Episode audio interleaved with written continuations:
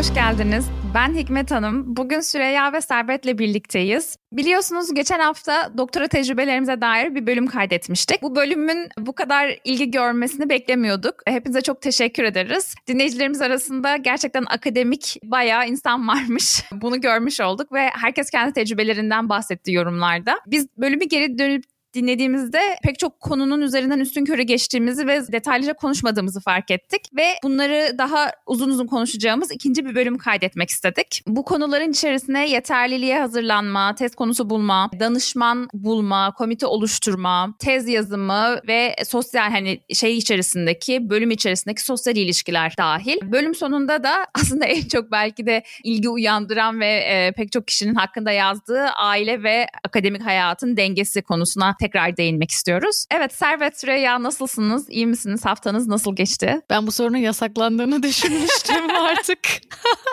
Değil mi Servet? Valla yani iyiyiz açıkçası. Yani iyiyiz dediğim hani gene işte hala uğraşıyoruz sen de ben de hani tez, tez üzerine ben de tekrar başladım. Hani birkaç daha görüşme falan yapacağım ama hala işte hani bu tezi bitirme şeysindeyiz, telaşesindeyiz. Ve işte nereye gideceğiz, ne yapacağız, nasıl taşınacağız vesaire falan gibi soruları işte yavaş yavaş düşünmeye çalışıyoruz yani. Öyle yani bir şekilde vakit geçiyor. Ramazan geliyor mesela. Böyle zamanın nasıl geçtiğini anlamadığımı fark ettiğim bir bilgi benim için ondan sonra. Ama iyiyim yani çok şükür. Sen Ramazanları böyle bir tekvando falan karate o tarz şeylerin oluyordu iftar öncesinde. Bu sene de düşünüyor musun iftar öncesi spor yapmayı? Ay evet ya aslında Ramazan'da üretkenlik bölümü falan çekebiliriz. Yani benim enteresan bir şekilde kafam yemeğe ya da bir şeyler içmeye yemeye hani odaklanmadığı için böyle bir şeyler yapmam gerekiyor düşüncesi oluyor mesela. Hani o yüzden daha iyi çalışabiliyorum ya da mesela hani böyle işte bir bir ara tekvandoya başlamıştım mesela. Çok da güzel oluyordu. Hani tam iftar öncesi böyle spor yapıyorsun susuyorsun falan yemeğe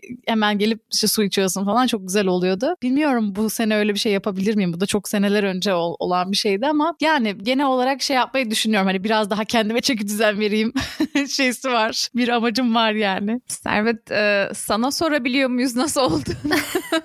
Soru. Hadi bu hafta cevap vereceğim. Çünkü konuyla alakalı olduğunu fark ettim şu an. Siz biliyorsunuz ama dinleyicilerimiz bilmiyor. Ben Ekim ayından beri bir mide problemi çekiyorum. Hocalarımdan bir tanesiyle bir sıkıntı yaşamıştım Ekim ayında. Başka şeyler de vardı ama özellikle onun getirdiği stresle beraber reflü oldum. Şimdi de bu kronik bir hale geldi ve o zamandan beri bu meseleyi çözmeye çalışıyorum yani. İki haftadır da eliminasyon diyetine başladım. Geçen sene de bir eliminasyon diyeti yapmıştım. Gluten bırakmıştım. Süt ürünlerini bırakmıştım. Evet, Dinleyicilerimiz hatırlar. Evet, evet. Aynen. Ona da şey olmuş olsun şu an. Bir update vermiş olayım. Geçen sene 6 hafta yapmıştım. Bana öğrettiği en önemli şey yapabiliyor olmak oldu. Açıkçası nasıl yapıldığını öğrenmiş oldum. Şu anda yapmaya ihtiyacım vardı ya. Bu iki hafta o kadar kolay yaptım ki zaten çoktan yapmış olduğum için ne yapmam gerektiğini bildiğim için kesinlikle öyle bir yararı oldu. Yani önceden hani diyet için yapmıştım. Sadece kilo vermek için yapmıştım. Vermiştim de. Şimdi hani sağlık için yapmam gerekiyor. Yapmış olmanın değeri paha biçilemez gerçekten. Öyle yani hafta boyunca işte fizik terapi, ondan sonra bu eliminasyon diyeti, tez yazmak, normal counseling terapi. doktor öğrencilerin gittiği diğer bir şey falan. Hani bu şekilde geçti yani haftam açıkçası. Doktoranın bu kadar hani bayağı sağlık üzerinde etkisi olmuş. Yani biz geçen hafta hani evet. bu şeyde konuşmuştuk biraz hani sağlık üzerine etkisi olabiliyor işte psikolojik etkileri oluyor ama sen de mesela şey merak uyandırdı yani mesela o hocayla ne yaşadın diye çok sorasın var şu an ama gerek yok belki. Meseleyi tam çözmedim. Ben bu meseleyi bir çözeyim. Büyük oranda çözdüm. Biraz rahatladım şu an ama meseleyi tam çözünce anlatacağım yani. şu an ayıp olmasın diye paylaşmıyorum. tamam, Profesyonellik adına. E yani sen nasılsın Hikmet? Ben de iyiyim. Ee, şeyi fark ettim. Ben de bu hafta onu söyleyeyim. Şimdi Nisan ayı içerisinde birka- birkaç tane konferans sunumum olduğu için onlara hazırlanmaya başlamadan önce tezimin son sonuç bölümünü yazmak istiyordum. Yani kendime bir şey koymuştum böyle. Ama çok yavaş gidiyor. Öyle olunca bayağı canım sıkılmıştı. Sonra bu hafta şunu fark ettim. Hani eğer gün içerisinde sonuç bölümü hakkında çok ilerleme kaydedemiyorsam başka şeyler daha kolay cevap alabileceğim, daha kolay sonucuna varabileceğim ama ertelediğim başka şeyleri de işin içine katabilirim. Yani sadece böyle çok anlamsız bir belki şey benzetme olacak ama sadece ıspanaktan oluşan bir salata yemek yerine e, neden tüm ıspanağı yiyemiyorum demek yerine onun içerisine biraz daha domates katıp biraz daha bir şey kattığım zaman yine belki şey olacak faydalı olacak benim için. Yine iyi ki yemişim diyeceğim vücudum bir sürü şey almış olacak ama ertesi güne kaldığı için buzlukta çürümemiş olacak o domates. bir, bir, bir ne bu ya? bu hikayenin bana bende uyandırdığı bu hikayenin bende uyandırdığı mı? tek şey ne kadar Amerikalısın testinde yani yüksek bir puan aldın ıspanağı salata malzemesi olarak görüyorsun ya. Yapmıyor musunuz siz ya ıspanak? Yapıyoruz da Türkiye'de yapmıyoruz yani. Doğru arkadaşlar. ya şey demeye çalıştım. Yani günümü bir şeylerle dolduracağım ya. Öncelediğim şey yavaş ilerliyorsa başka şeylerle onu renklendirebilirim. Mesela işte diğer bölümlerin düzenlemesini yapıyorsam çok basit geliyor belki gözüme ve ben onu işte tezin son dönemine bırakmak istiyordum. İşte imla kuralları şusu busu falan için şey yapmayı, gözden geçirmeyi. Ama hani günün son iki saatini de ona ayırabilirim. Böylece yine bir iş yapmış olurum falan. Yani bir doktor öğrencisi hayatına renk katmak için doktora tezini yazamadığı zaman da gramer hatalarını düzeltiyor. Ay ne kadar sıkıcı ya. Öyle deyince gerçekten bir üzüldüm.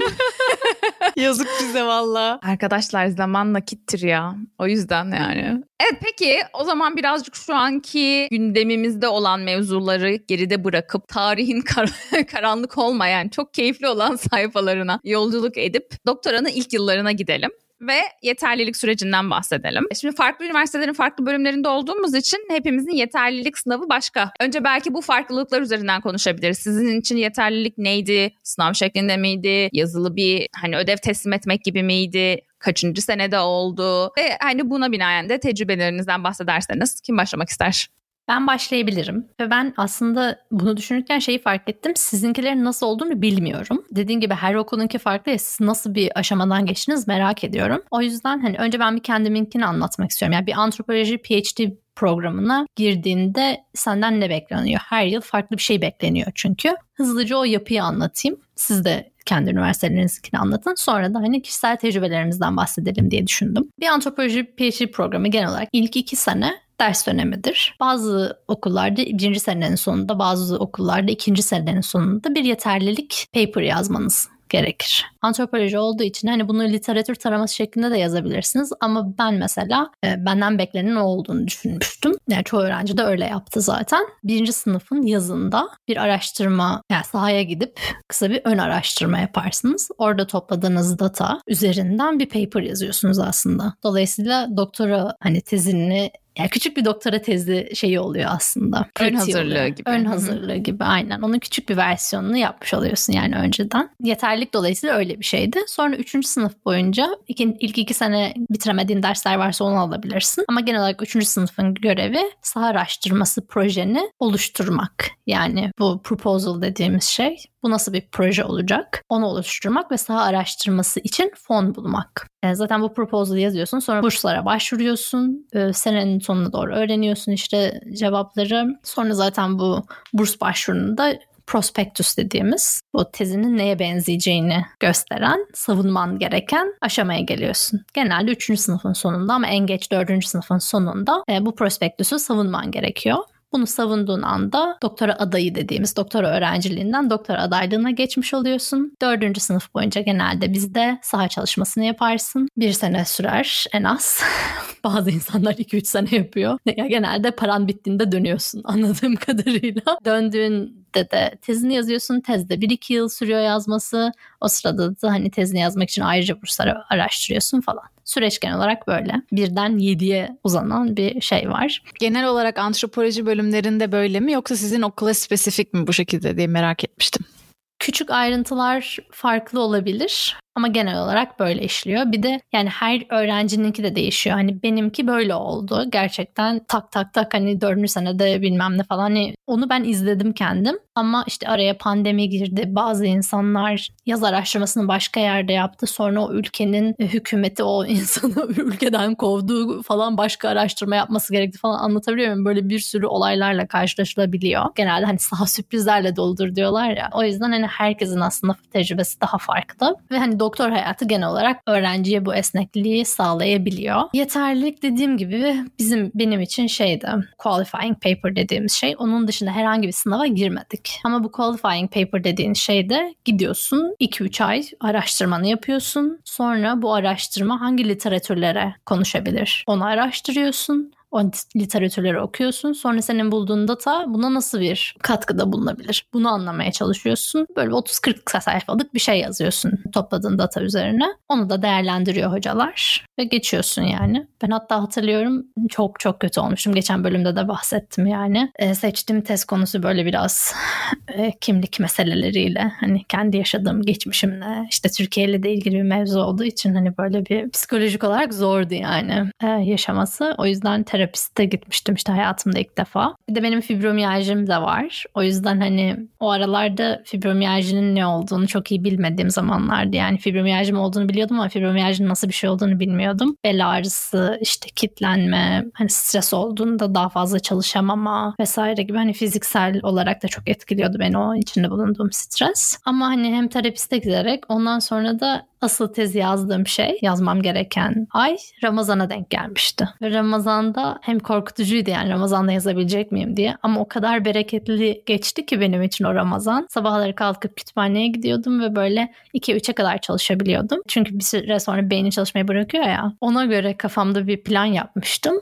Böyle gidip oturup tamam benim beynim sadece 2-3 saat çalışabilecek. Şimdi oturup yazacağım bunu diye gitmiştim yazmıştım. Öyle öyle bitirdim yani. Ve böyle 2-3 sene boyunca o paper'ı dönüp okuyamadım, bakamadım. Çünkü şey çok kötü bir şey yazdım. Hani geçirdiler beni ama hani acıdılar da geçirdiler. Böyle şans eseri geçtim falan modundaydım. tabii.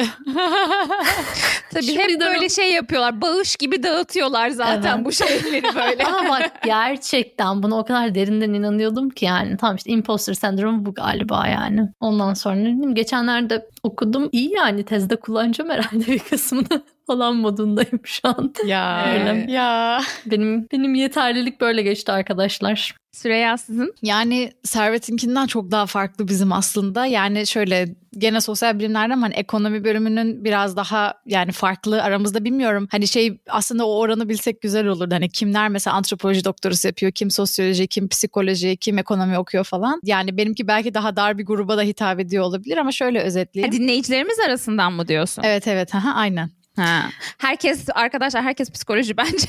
ya ilahiyat ya psikoloji. ha, o tür evet yani bana da öyle geldi. Yani ekonomi o yüzden belki çok insanların merak etmeyeceği bir şey olabilir ama şöyle özetleyeyim. Biz e... Freya o zaman seni kesiyoruz. Sen anlat.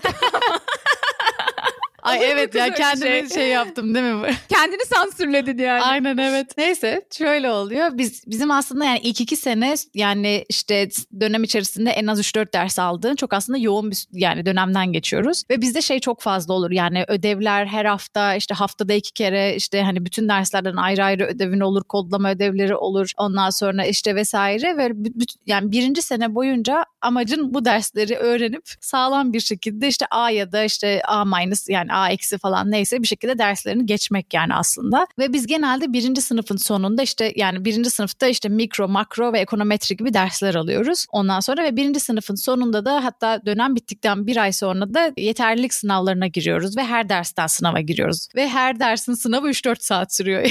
yani böyle hani her zaman işte hani bir gün wow. ekonometri sınavına giriyorsun, bir gün mikro, bir gün makro sınavına falan giriyorsun. E, dersin kendi final ders sınavlarının dışında ekstra bir sınav oluyorsunuz. O dersi Aynen. geçmiş olsan. Aynen evet. Normalde ders dönemi içerisinde hem vizelerin oluyor hem finallerin oluyor ama daha sonra ayrıca okul bittikten bir ay sonra bütün bütün sene, bir, bir senenin konusunu çalışıp şeylere girmen lazım. Yeterliliğe girmen lazım. Benim de herhalde ya ben şöyle ben genelde psikolojik olarak etkilenmediğimi düşünürüm ama bazı olaylarda çıkıyor benim hani etkilendiğim aslında. O da şey mesela o dönem böyle hani çok gergin olduğumu falan hani bazı yaşadığım hani sıkıntılardan falan fark etmiştim. Hani arkadaşlarımla olan vesaire. Arkadaşlık görüşüyorduk. Evet. Hafif böyle bir şeysi çıkmıştı yani. Namı çıkmıştı biraz sinirli bir insan.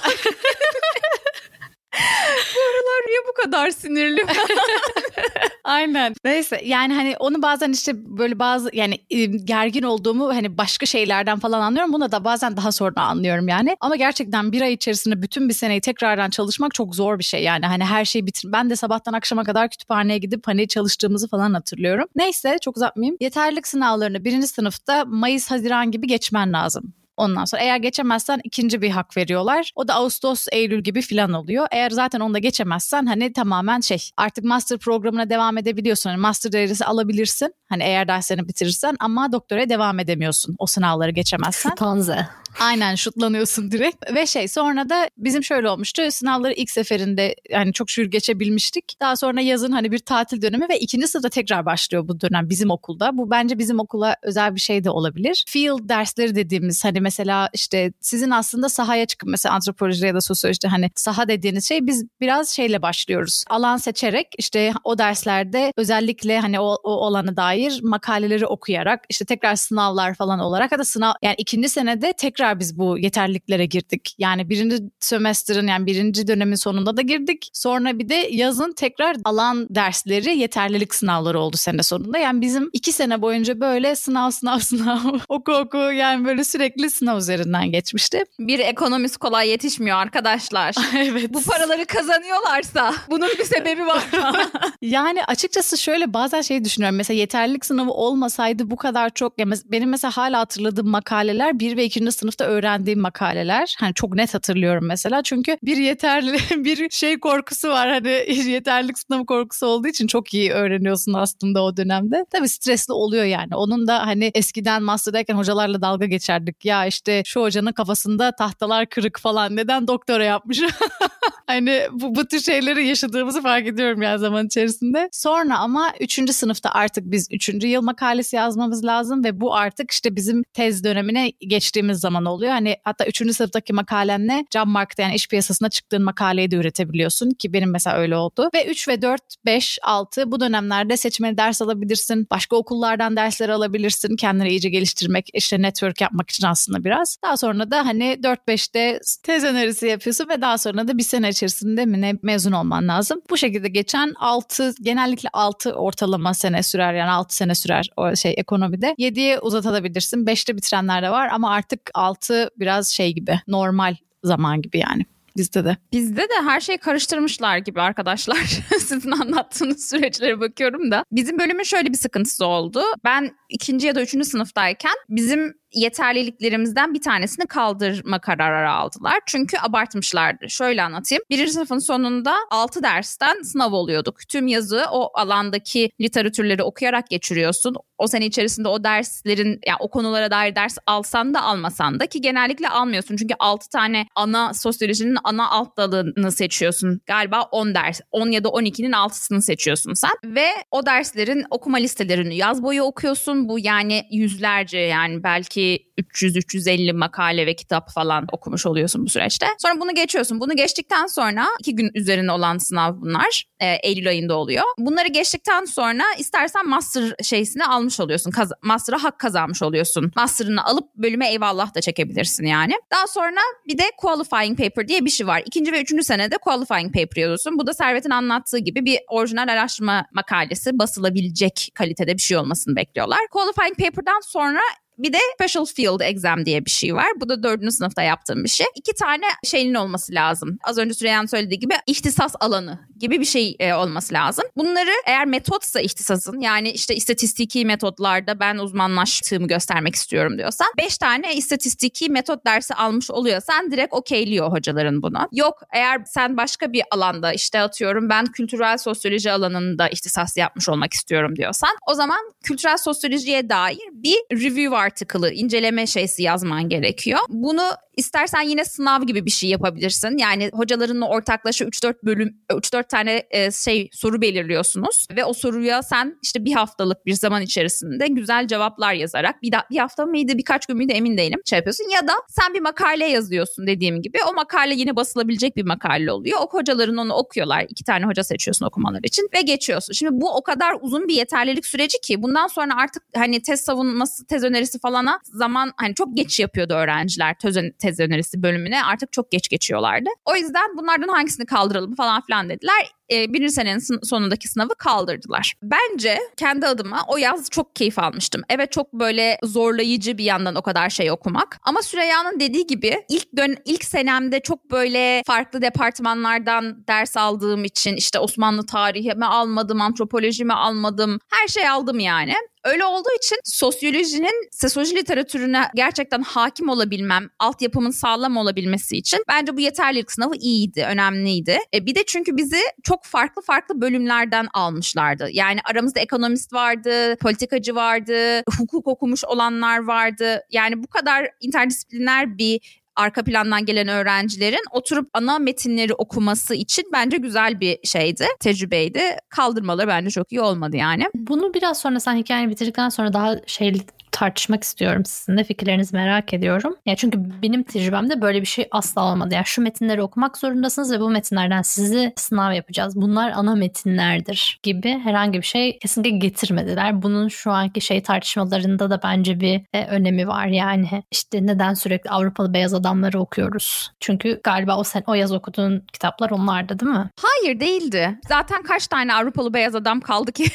yani... yani Avrupalı Amerikalı yani. Yani hayır. Daha ben güncel şeyler mi listeleri evet yani mesela ekonomik hmm. sosyoloji diyor tamam mı? İşte Weber'den başlıyor ama işte hmm. kadınların e- şeylere glass ceiling falan filan teorilerine kadar hmm. gelen bir süreç var. Ya da işte gender gayet hani daha Judith Butler'ları vesaireleri falan da okuyorsun. Yani o da beyaz kadın belki ama yani hani şey olarak baştan alıp sona kadar götürüyorlardı. O açıdan iyiydi. Bir de şeyi gösteriyordu açıkçası bence. Bir literatürün nasıl geliştiğini ve birbirlerine nasıl eklemlendiğini görebilme açısından faydalıydı. Çünkü mesela okuyorsun aynı konu üzerine ya da benzer konular üzerine farklı farklı şeyler okuyorsun. Bunları kafanda nasıl bağdaştıracaksın? Nasıl birbirleriyle nasıl cevap veriyorlar? Birbirlerini hani yalanlıyorlar mı yoksa nasıl yani nasıl bir akademik alanda nasıl iletişim görüşebilirsin kendinden önce gelenlerle ve senin zamandaşlarınla. Onu görmesi, gö- göstermesi açısından ve kafamızda nasıl şemalandırmalıyız? Çünkü doktora kendi tezini yazarken de sen hep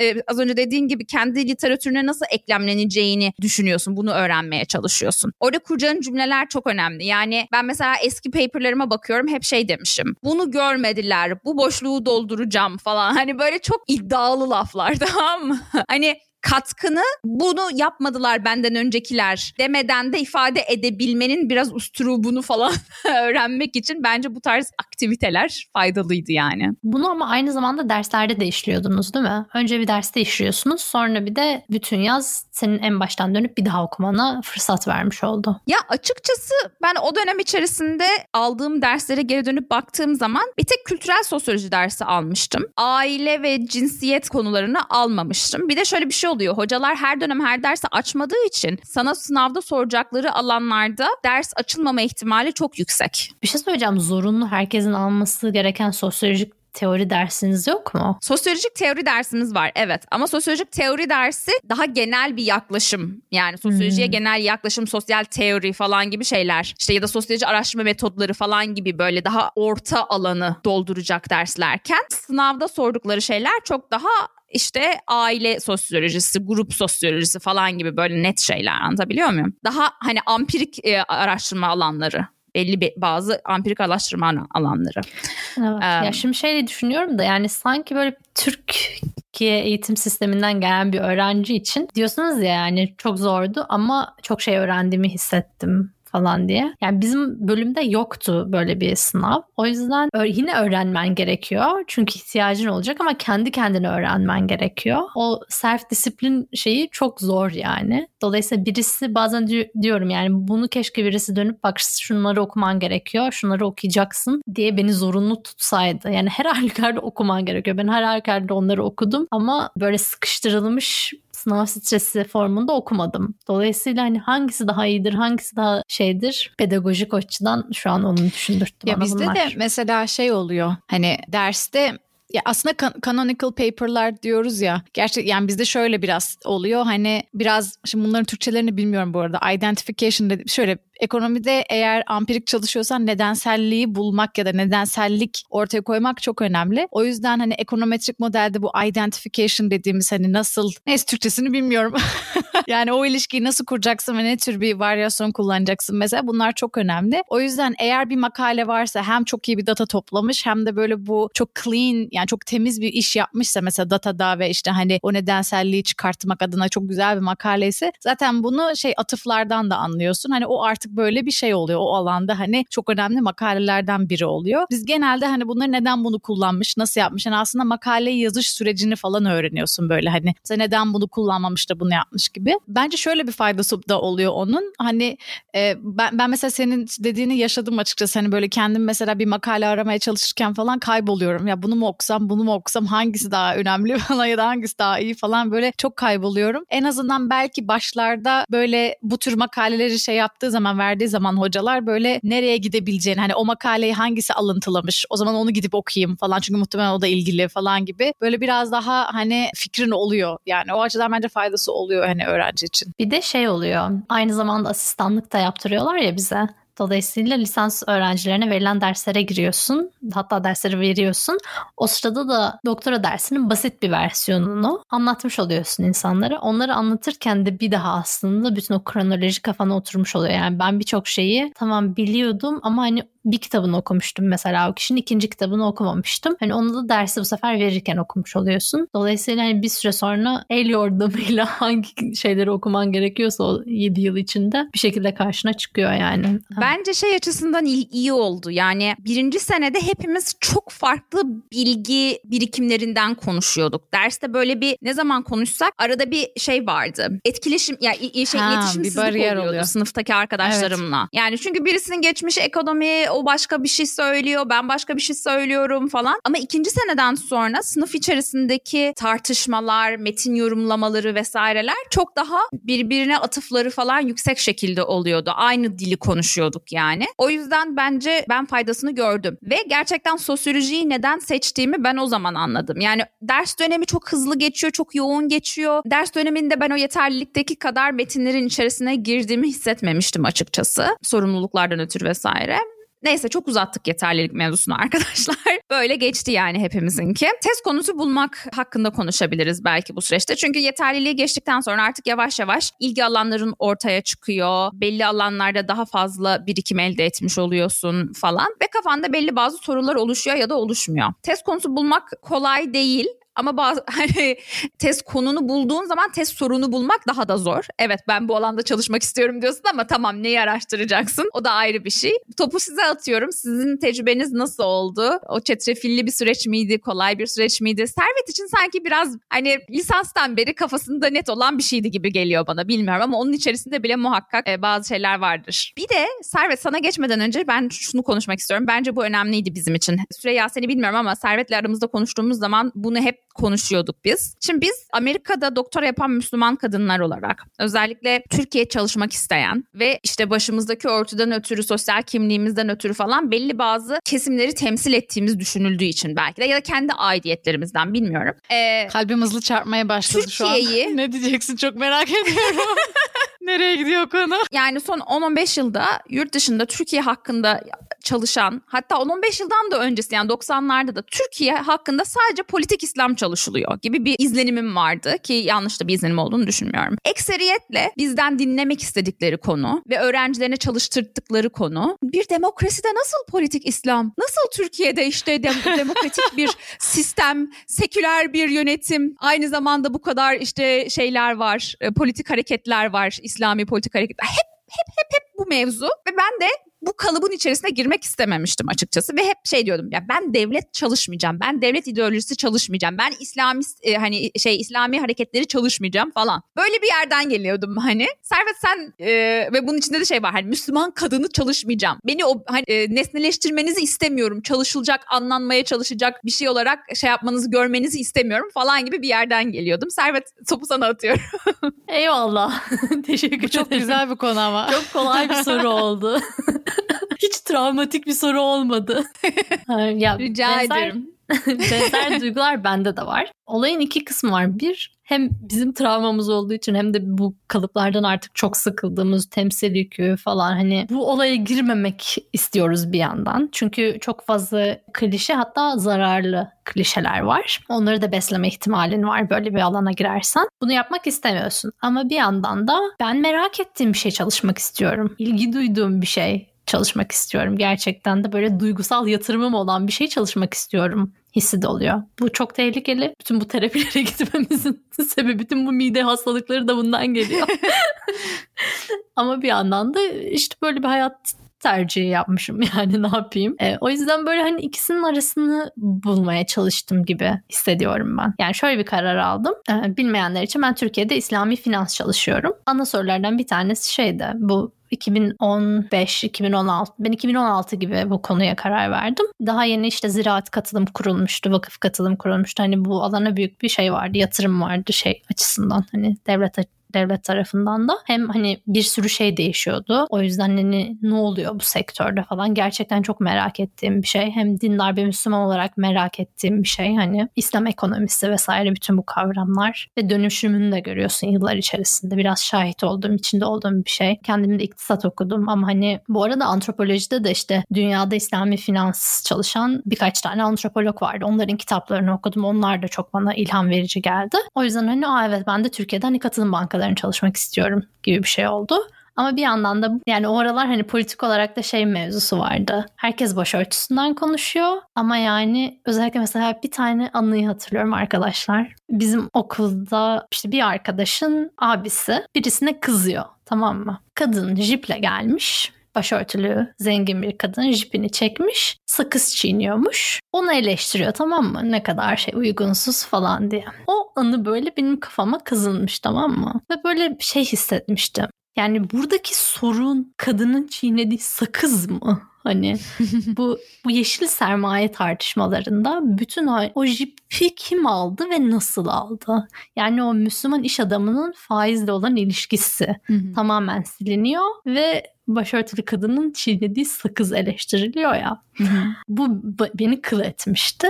Hani bu tarz politik şeyler de yani beni birazcık tamam Müslüman iş adamları neden katılım bankalarıyla çalışmıyor sorusuna Yürü ve servet. Neyse böyle bir böyle bir maceraya atıldım yani. Sonra şimdi katılım bankalarında işte sağ çalışması yaptım vesaire. Hani katılım bankası nedir? Bir farkı var mıdır? Neye benziyor? Vesaire. Hani hem şey boyunca doktora boyunca hem antropoloji kısmını öğreniyorsun. Antropoloji teorisi, finans antropolojisi diye bir alan var. İşte iktisadi antropoloji öğreniyorsun. Ne bileyim dindarlık antropolojisi öğreniyorsun. Hukuk antropolojisi öğreniyorsun. İslam antropolojisi öğreniyorsun.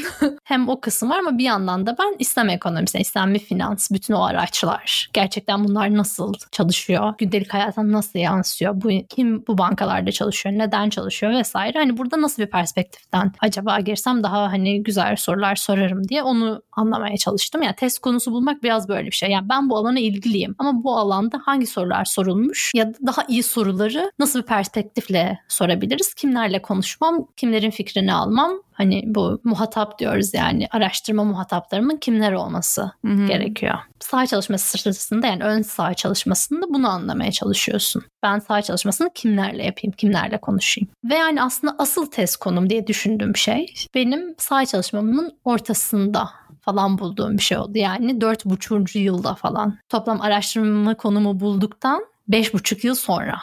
Çünkü daha doktora başvurularını yaparken karar vermiştim. Ben İslami finans çalışayım diye 2016'da. O zaman gidip birkaç kişiyle konuşmuştum bu konuları bilen. Çünkü doktoraya başvurabilmek için de aslında o tez önerisini yine minik bir versiyonunu yazıyorsunuz. Onun sonra kullanmak zorunda değilsiniz ama hani ben, benim hoşuma gittiği için konu devam etmiştim orada. Dolayısıyla hani beş buçuk sene sonra sağ çalışmasının ortasında ya tamam buradaki ana kavramlarından bir tanesi de aslında şüphe. Ben insan nasıl şüphe eder? İşte İslami finans konusunda genellikle şu an tezimi size anlatmak istemiyorum ama genel olarak önemli temellerden bir tanesi şüphedir. Yani İslami finans diye bir şey var mıdır yok mudur? Neye benzer? İnsanlar beraber nasıl şüphe eder? E, bu tarz sorulara doğru evrildi. Dolayısıyla şu an benim benim tezimin ana konsepti aslında şüphe. Ama ben bunu işte 5,5 yılda buldum. Şimdi de önceki birikimimle bu yeni işte tamam ana konseptim budur dediğim mevzuyu nasıl birleştireceğim diye de tezi yazmaya çalışıyorum. Tezi yazarken de birazdan sizden dinlemek istiyorum. Bu tezleri nasıl yazdınız? Arkadaşlar çok zor. Dördüncü aydayım. İlk chapter'ı hala bitiremedim yani. Ve bitecek mi gerçekten emin değilim. Yani tezi geçtim. Chapter bitecek mi bilmiyorum şu an. Yazarken de çok çok şey değişiyor.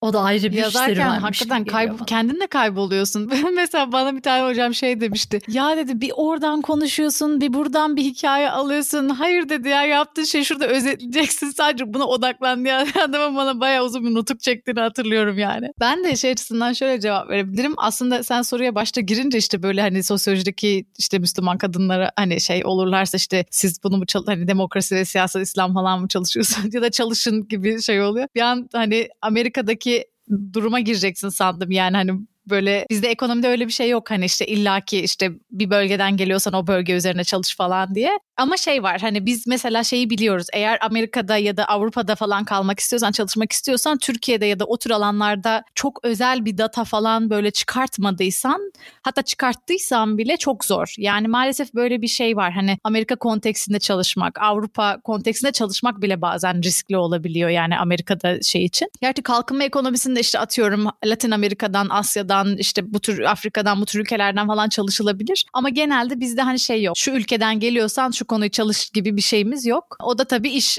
şeylerinden dolayı, endişelerinden dolayı yani çok fazla Türkiye çalışırsan Amerika'da iş bulma ihtimalin biraz daha şey oluyor hani e, neden hep Türkiye çalışıyorsun hani mesela atıyorum ya da neden hep o ülkeyi çalışıyorsun gibi böyle bir şey olabiliyor. Bakma o bizde de var yani Türkiye çalışırsan burada çok e, rahat iş bulamazsın. Çünkü açılan iş ilanları hep belli alanlarda çalışan insanların insanları arayan şekilde işte atıyorum bu aralar ne çok şey işte e, race mevzusu race'i konuşacaksın ırkçılık e, ırk Anladım. ilişkileri falan filan. Hı hı. Hani öyle olduğu için bizde de yok. Bizde de iş bulma noktasında çok daha işte atıyorum insan hakları bilmem ne derneğinin işte insan hakları center dernek değil de işte insan hakları araştırmaları merkezinin açtığı bir posta falan hani böyle binde bir olan şeylere başvuruyorsun ama size de sıkıntı yani yaratıyor yani. Senden duymak istedikleri sen Türkiye çalışacağım dediğin zaman senden duymak istedikleri hikayeler belli. Yani onların hmm. ilginç bulduğu şeylerle alakalı bu. Yani onlar mesela başörtülü bir kadın gördükleri zaman işte jipteki ve jip kullanıyorsa ve şey sakız, e, sakız çiğniyorsa orada böyle bir modern modernleşmenin ikircikliğini görüyor adam tamam mı? Ben onu görmüyorum belki hani ama adam onu görüyor ve hani bu ikircikliği çalışalım bunu açıkla falan. Ve bence bunda da şey var lafını kestim ama şu anda Türkiye'de pek çok başörtülü kadın başörtüsünden illallah ettiyse bunun sebebi aslında durmadan topluma kendisini açıklamak durumunda olması. Durmadan hani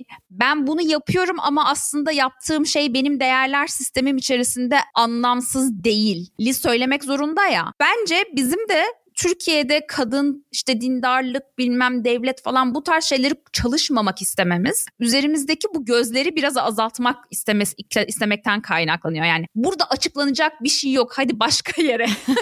burada bakılacak baş, bir şey yok hadi başka yere demek isteğinden kaynaklanıyor. Kadını bir salın. Kadın sakız çiğnemek istiyor ya. Kadını bir rahat bırakın.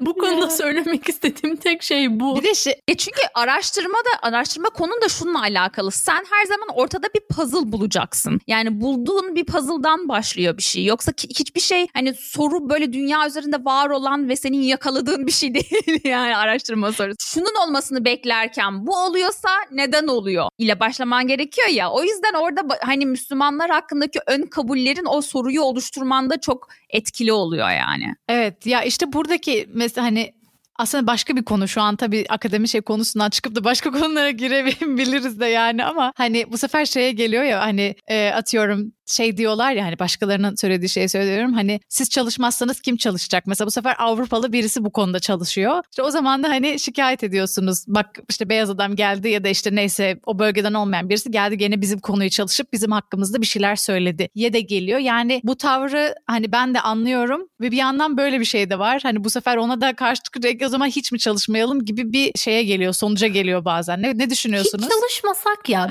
Bir deneyelim. Bir, bir 10 yıl kimse hiçbir başörtülü kadınlar hakkında bir konuşmasın bakalım ne oluyor. Ben merak ediyorum. Ben böyle bir deneye okeyim. Siz okey misiniz? ben de okeyim. Belki bir şeyler... yani akademisyenler çalışınca sorunlar çözülüyor mu hiç emin değilim yani. Ya hiç evet akademide değilim. bence şöyle bir problem var. Bizim gerçekten bazen onu düşünüyorum. Mesela ampirik çalışmalarda da bu böyle. Yani amaç bir şey gerçekten bir şey çözüm üretmekten ziyade hani insanlara şey diye bakın ben bunu yaptım. İşte a bakın şöyle çok enteresan bir sonuç gösteriyorum. Halbuki oradaki de, şey derdi o kadın ya da o kişi ya da o grup o güruh değil yani. Biraz maalesef işin içinde pragmatik e, şeyler amaçlar ve şeyler olduğu için pragmatizm olduğu için. Ki bence derde deva olmak gayet güzel bir şey. Yani ben mesela kendi tecrübemi düşündüğüm zaman test konusu bulma konusunda hep böyle toplumsal dayanışma, toplumsal adalet, toplumsal eşitlik ya da hani bir Türkiye'li kimliğinin oluşması, ortak e, paydanın oluşması falan gibi konuların ilgimi çektiğini fark ettim. İşte ilk başta liseden sonra hep şey konuşacaktım. Ya neden herkes birbirinden nefret ediyor falan? neden dindarlarla sekülerler birbirinden nefret ediyor gibi böyle sorularla bölüm üniversite bölümümü seçmiştim. Daha sonra bu şeye kaydı yani neden Türkler Kürtlerden nefret ediyor ya döndü. Ondan sonra hani orada ortak bir payda bulabilir miyiz? Milliyetçiliğin yaptığı şeyler ne falan. Sonra oradan şeye geldim. Neden insanlar çocukları zeki çocuk, başarılı çocuk, gerizekalı çocuk diye ayırt ediyorlar? ee, çocuklarımızın hepsini sevemez miyiz? Ay, yalnız nasıl bir, bir evrim bu? Ben bu bir şey söyleyeyim. ben bu konuyu hiç böyle ifade ettiğini duymadım yani. Kaç yıldır bu konu hakkında konuşuyoruz her gün.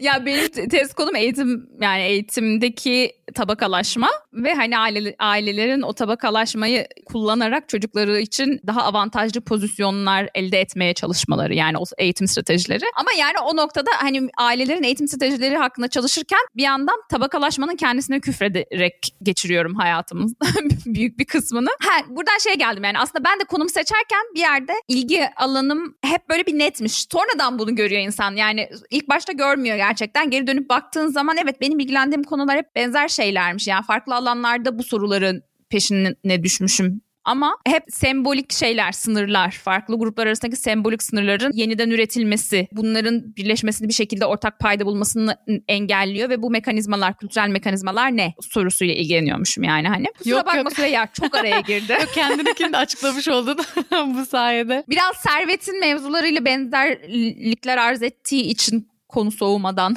ifade etmek istedim. Aynen aynen. Ya açıkçası bence test konusu bilmiyorum yani çok doğal bir süreçmiş gibi geliyor. Bazen şimdi, şimdi siz mesela konuşurken kendi kendime gerçekten düşünüyordum ya ben nasıl buldum bu soruyu falan diye. Sistematik hiçbir şey yaptığımı düşünmüyorum açıkçası. Yani gerçekten sadece ilgimi ya da merakımı galiba takip ettim. Yani şöyle mesela bence bu ikinci sınıfta bizim aldığımız alan derslerinin faydası çok oldu. Çünkü hangi mesela işte kalkınma ekonomisinde atıyorum gender konularına mesela makalelerini görüyorum görüyorsun. Diyorsun ne kadar güzel çalışmalar. Hani böyle hayranlıkla falan dinliyordum insanların yaptığı çalışmaları falan. O yüzden böyle o kalan hayranlıkla hep o konu üzerinde düşünüyordum. Hani böyle ben de bu alanda bir şey mi yazsam falan gibi. Beğendiğim için o konudaki çalışmaları kendim de üzerine bir şeyler düşündüm. Hatta ben böyle bazen şey yaparım. Hani beyaz bir tahta vardı evde. işte markerlar vardı. Bütün aklıma gelenleri oraya yazıyordum. Bir tane Excel dosyası yapıyordum. Servet de şu anda kendi beyaz tahtasını gösteriyor evde. Ondan sonra kendi mesela Excel'de bir, bir şey oluşturmuştum. Bir dosya oluşturmuştum. Hani böyle işte bakılan sonuçlar ne? Kullanılan varyasyonlar ne? İşte kullanılan datalar ne? Falan gibi böyle hani kendi kendime neyi yapabilirim? Neyi neyle birleştirebilirim? Hani bunlar yapılmış ama yapılmayan birleşmeler ne acaba? Hani ilişkiler ne gibi şeyler yapmıştım. Ve daha sonra hani böyle aklıma bir hocanın burada Türk bir hoca var çalıştığı bazı konular var işte böyle hani inovasyonla ilgili falan. Aa dedim ben bu konuyu niye birleştirmiyorum hani genderla inovasyonu? Yani aslında ben de şu an kadın mucitleri, kadın girişimcileri falan çalışmaya başladım. Biraz böyle gerçekten hani bir, bir yandan hani sahip olduğum bazı bilgilerden dolayı oldu. Hem de bir yandan ilgimden dolayı açıkçası çıktı. Ve sonradan o üçüncü yıl makalesi hani kendim datayı daha sonradan geliştirdim falan işte artık bu sene mesela iş piyasasına çıktım makale oldu vesaire. Yani biraz öyle oldu hani sistematik olarak ne yapılabilir çok da bunlar dışında bir şey yapmadım ben mesela kendim için. Peki Servet senin bir tavsiyen var mı? Yani test konusu bulmakta bayağı sıkıntı yaşayan dinleyen dinleyicilerimiz var. Şunu yapmak faydalı olur dediğin bir şey var mı? Ya şeye göre değişiyor. Önceden aslında bunu söylemiştik bir bölümümüzde. Üretkenlik bölümündeydi galiba. Ya iki şey önemli. Birincisi sabretmek. İkincisi de kendi içgüdülerine güvenmek. Bunu zamanı olan arkadaşlara tavsiye edebilirim. Zamanı olmayanlar da zaten içgüdülerine güvenmek zorunda kalacak. evet. Yani yapacak bir şey aslında... yok. Ya şey çok ilginç. Daha demin dedi ya Hikmet Hanım hani geriye dönüp neyi görmediğimi görüyorum diye. Yani o sıra sırada da bunu hissediyordum. Ben birinci sınıftayım, ikinci sınıftayım. Ben bulamadım henüz. Yani şu an bu işi karıştırıyorum ama burada asıl sorun nedir? Yani burada sorun ne? Burada mesele ne? Buradaki meseleyi göremiyorum. Şu an gözümün önünde bir şey var göremiyorum diyordum. Çünkü zaten hocalarımız da diyordu bunu yani. Siz bir saha araştırması önerisi getireceksiniz. Sahaya gidince her şey değişecek zaten yani. Başka yeni şeyler fark edeceksiniz falan demişti. Hani bunu bilerek yaşamak da ilginç bir tecrübe. O yüzden hani sabretmek önemli diyebilirim. Ya mesela ekonomi alanında mesela yani bu ekonomide değil belki hani sizin alanlar için de geçerli olabilir. Yapılan yöntemlerden birisi bazen çünkü şey araştırma konusu bulabilirsin ama yapabilecek o konuyu araştırabilecek bir datan olmayabilir. O yüzden bazen bize tam tersi de ta- tavsiye ediliyor. Hani datalara git bak. Datalarda mesela hani ilgini çeken bir şeyler var mı? Mesela bir tane hocam şeyle yapmış işte bir dataya girip bakarken topladıkları bir değişkeni bir süre sonra toplamamaya başladıklarını fark etmiş tarihte yani. Sonra da girmiş merak etmiş yani hani araştırmış bunu neden toplamıyorlar bu, bu değişken aslında neyi temsil ediyor falan gibi. Oradan oradan oradan oradan bir şekilde hani adam etap makalelerinden bir tanesi mesela hani bilinen makalelerinden birisi o oldu. Hani böyle data üzerinden de çıkıp yola çıkmak da şey olabiliyor. Yani benim birçok arkadaşım da öyle yaptı. Hani dataya bakıp işte bir şeyler araştırıp öyle de çıkarabiliyorlar. Ben de iki şey tavsiye edeceğim. Bu benim duyduğum şeylerden de hem duyduğum hem tecrübe edip faydasını gördüğüm şeyler. Bir tanesi eğer azıcık dahi ilgi duyduğunuz bir alan varsa yani bazen insan işte hem şuna hem şuna hem şuna ilgi duyuyorum nasıl seçeceğim falan diyor ya o alanda ki bir insanla oturup sohbet etmek çok mantıklı. Yani atıyorum sen işte ya ben kendi adıma ben eğitimle alakalı bir şey yapmak istediğimi biliyordum. Oturup işte bir tanıdığımız yani komşumun eşi rah Allah rahmet eylesin vefat etti şimdi. Bir okul müdürüydü. Onunla oturup mesela okulunu nasıl yönetiyor? Neden kurdu? Neden eğitimci oldu? Falan gibi böyle genel soru şeyler e, hakkında konuşmuştum. Ve onunla konuştuktan sonra hani kafamda bazı şeyler daha netleşmişti. Yani en azından sahadaki insanların derdi ne? Sen ne çalışarak onlara yardımcı olabilirsin falan bunları görmeni sebep oluyor. Ve oturduğun yerde o insanlardan uzakta bir şey üretmeye çalışmıyorsun. Yani şeye temasa geçiyorsun. Bu çok önemli. Ya Servis bir şey söyleyeyim mi? Galiba. Çok güzel. Gerçekten çok çok güzel bir tavsiye. Şimdi ben de geri dönüp düşününce şeydi yani önemli noktalardan bir tanesi. Özellikle saha çalışması yapacak arkadaşlar. Kiminle konuşmak istiyorsun? Sen kimin ne dediğini merak ediyorsun. Aslında ona bakman lazım. Hani çünkü bir yıl boyunca ne kadar uzunlukta yapacaksan yani o insanlarla konuşacaksın. Dolayısıyla konuşacağın insanları da seçmiş oluyorsun. Ya yani önemli olan o saha nedir? O sahayı çizmek yani. Aynen. Yani mesela sen devlet adamlarının, politikacıların mı nasıl politika yaptığıyla ilgileniyorsun hani Türkiye'nin gidişatını belirleyecek büyük insanlar falan yoksa böyle gündelik hayatla gündelik insanların daha ne bileyim bence biraz daha gerçekçi problemleriyle mi ilgileniyorsun falan.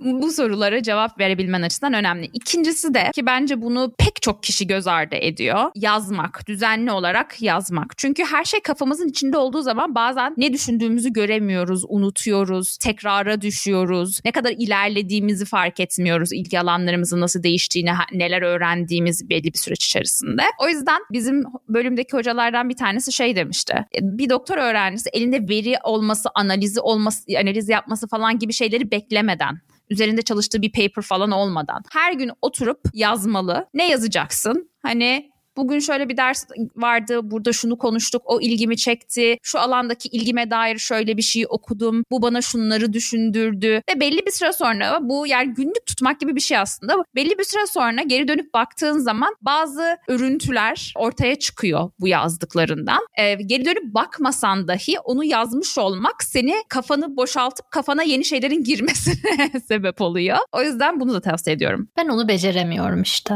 Ben onu beceremiyorum arkadaşlar. Yani bunu herkes söylüyor yapın diye. Şimdiki aklım olsa her gün yazarım falan diye herkes söylüyor. Bütün hocalardan falan da duyuyorum. Ama genelde diyenler hani hala da yapmıyorum diyor. Hani bunu yapabilmek çok çok ha. zor bir şey. Bak siz de yapabiliyor ben de musunuz? yapamıyorum da.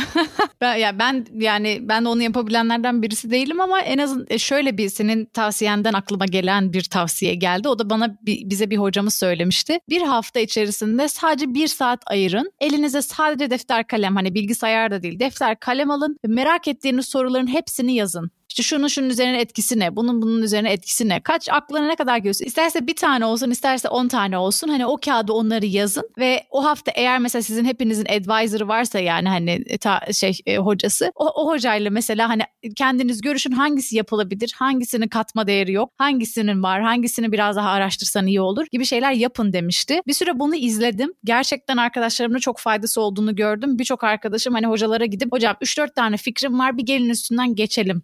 Hangisinin değeri daha önemli? Hangisini yapsam daha iyi olur gibi. Onu kesinlikle tavsiye ediyorum. Onu ben kendim de etkisini gördüm. Hani şeyde de gördüm. Arkadaşlarım üzerinde de gördüm. Haftada bir saat böyle sadece kağıt kalem. Başka hiçbir şey yok. Telefon, bilgisayar falan yok. Sadece yazıyorsun aklına gelen soruyu. Öyle bir yazma üzerinden o da bana bu şeyi hatırlattı tavsiyeyi. Evet yani ne yazdığının çok önemi yok bence. Daha doğrusu şöyle ne yazdığının önemi var tabii ki ama ne yazarsan yaz faydasını göreceksin. Mesela ben şu anda öyle gündelik olarak bir şey yazmıyorum. E, yani yazıyorum ama tezimi yazıyorum. Ama tez belirleme sürecinde mesela bir sürü Word dosyam vardı. İşte okuduğum şeylerin özetlerini yazıyordum. Onlar hakkındaki fikirlerimi yazıyordum. Anlamlı bulduğum, anlamsız bulduğum, katıldığım, katılmadığım her şeyi yazıyordum. Ve hani bunu yazmak bence hem şey hissettiriyor insana o esnada. Tez konumu belirlemem lazım, bomboş oturuyorum hissini ortadan kaldırıyor. Yani kendi aslında bir şeyler yaptığını, bir, bir şeyleri süzgeçten geçirdiğini, bir şeyleri öğrenme sürecinde olduğunu, o karar alma sürecinin içerisinde olduğunu görmeni sağlıyor. Bence o açıdan önemli yani. Bu kadarcık.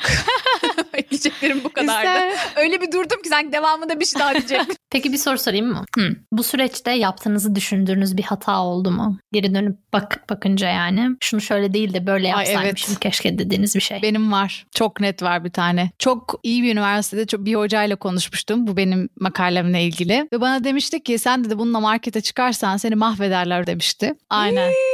Lafa bak. Aynen daha sonra Bilmiyor ki sen kaç tane offer aldın oradan yani, buradan. Ve hani başta tamam konuştuk ama ben o hoca yüzünden bu makale üzerine çalışmayı gerçekten bıraktım. Hani kendi danışmanlarıma gidip dedim ki hocam şu üniversiteden şu hoca bana dedi ki ben bununla markete çıkarsam beni mahvederlermiş. Hocalarım da böyle bir tane hocam zaten onu da sonra komiteye almadım. Böyle hani sadece o da ikinci geleceğim noktalardan birisiydi. O da böyle ha öyle mi dedi tamam yapma başka bir şey düşün o zaman falan gibi böyle çok umurunda değilmiş gibi davrandı. Ay sağ Onu, olsun. Aynen. Çok sağ Sonra olsun. benim çok uzun bir şey dönemim oldu. Hasat dönemi mi diyeyim. Hani bu makale üzerine biraz devam ettim ama çok böyle geliştirmedim. Hani yazdım ama bir şekilde daha fazla şimdiki yazdığım kadar yazabilirdim. Yani bir sene boyunca falan hani ya boş gezmek değil de ne yapacağımı bilemedim. Yani hani fikir arıyorum falan. Daha sonra başka bir hoca geldi. Onunla çalışmaya başladım ama sonradan bir hoca dedi ki ya senin bu üçüncü yıl makalen as- aslında iyiydi. Tamamlanmış bir makaleydi. Neden onu yapmıyorsun? Sadece bu cümleyi söyledikten sonra ben de hani bunu düşündüğüm için ona geri döndüm. Ve yani hakikaten o kadar güzel geri dönüşler aldım ki o makaleyle ilgili. Şeyi fark ediyorum yani tamam bazen hocalarla konuşmanın faydası oluyor ama mesela işte ben kafamda işte ya bu hoca şurada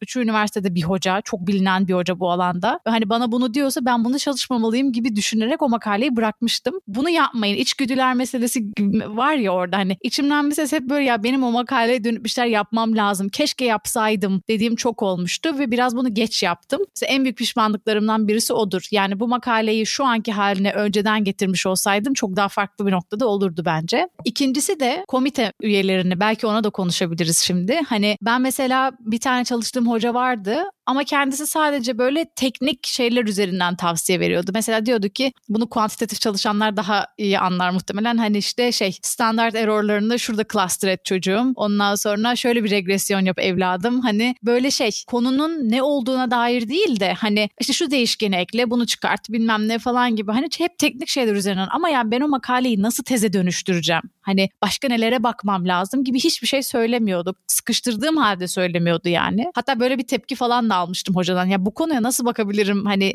bir de ikinci olarak şuna da mı baksam dediğimde hani zorladım hocayı. Başından savar gibi tamam işte iki tane eyalete bak geç falan gibi bir şeyler yaptı. Ve daha sonra o kadar işte research asistan, araştırma asistanlığını yaptığım, çalıştığım hatta teaching asistanlığını yaptığım hoca yani kendisiydi. Ama daha sonra hani referans letter böyle yazmak istemedi. Ondan sonra hani bir de böyle bu tavırlarından dolayı dedim ki seni artık ben komitede falan görmüyorum. Seni asla hiçbir şekilde almıyorum tamamen. Hiç de bir şey de söylemedim hocaya. Sizi komiteye almayacağım falan da demedim. Normalde belki beklerdi. Ama başkalarıyla kurdum komiteyi. Kendisi sunum yaparken biliyordu komitede olmadığını falan. Hani anlamıştır bence. Yani çok pasif agresif bir tepkiydi benimki belki. Ama o şekilde de komiteye almadım. Hani o yüzden senin sorun keşke dediğin şeylerden birisi bu advisorlarınızı seçerken sizinle heyecanlanıp konuşacak ve hani sizin bunu nasıl teze dönüştürebileceğinize dair heyecanlanıp tavsiyeler verebilecek birilerini bulun. Yani böyle benim anlattığım gibi işte aman şurada bak işte buna da bakabilirsin hmm falan diye böyle bu kadar konuşup susan hocaları lütfen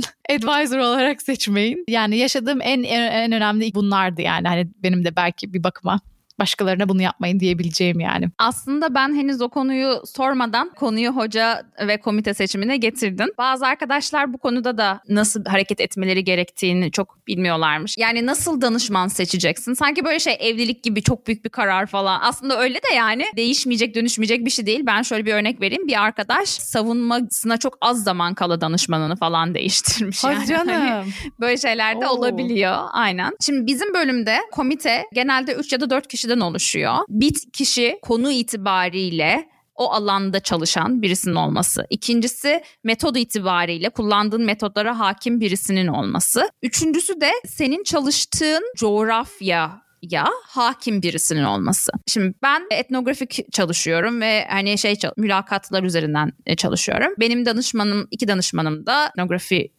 yapmış insanlar. Sonra bir kişi Türkiye çalışan birisi ve hatta eğitim çalışan birisi. Aslında benim şeyim biraz redundant. Yani biraz aynı işlevi gören pek çok kişinin bir arada olduğu bir komitem var. Bizim bölümden yani bir de şöyle bir şey vardı. Biz kendi bölümünden 3 kişinin olması gerekiyordu sanırsam. 3 ya da 2. Öyle olduğu için ben bizim bölümden aramın iyi olduğu hocaları doldurdum oraya.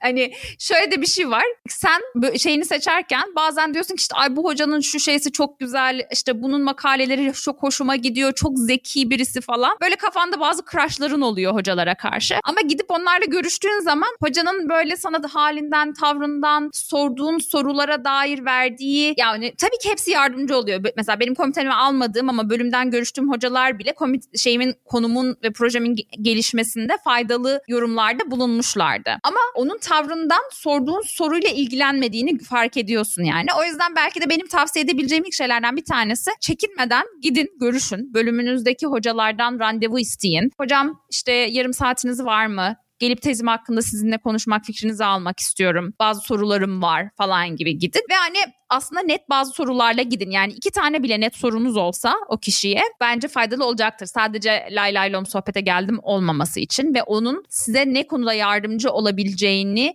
bildiğinizi göstermeniz aslında o kişinin sizin komitenize girmesi için de bir şey anlam ifade ediyor. Ona senin komitene girmesi için bir teşvik e, teşvik edici bir şey olmuş oluyor yani. Evet benim için şey olmuştu yani bu e, zaten girerken bölüme girerken senin ilgi alanlarından ötürü bir danışman atıyorlar. Bunu değiştirebilirsin. Danışmanını değiştirebilirsin. Ama ben danışmanımla ne zaman bir araya gelip konuşsam işte Türkiye hakkında konuşuyoruz bilmem ne. Bölümde Türkiye'yi en iyi tanıyan insandı falan. Hani keyifli geçiyordu, ilgileniyordu. Benimle, benim şahsi profesyonel gelişimimle ilgileniyordu. O kişi cepteydi. İkincisi de bu qualifying exam'i yaparken çok ilgilenen, o paper'ın bir şekilde dersini aldığım için o paper'ın gelişmesinde çok faydası olmuş bir hoca vardı. Dedim ki bu insan bana iyi şey mentörlük yapıyor. Ben bu insana güvenebilirim dedim. Onu da cephe aldım ve sonra da şey olarak e, teorik olarak ilginç işler yaptığını düşündüğüm başka bir hocayla görüştüm falan. Bir şekilde oluştu yani bilmiyorum çok uzatmak istemiyorum. Siz e, danışmanlarınızı ve komitenizi nasıl bir araya getirdiniz kızlar? Valla benimki daha yeni yeni oturuyor. En başta ben hazır zannediyordum. Sonra bir takım problemlerle karşılaştım. Bu da hani bir tavsiye olarak önemli. Komitenize aldığınız insanlarınla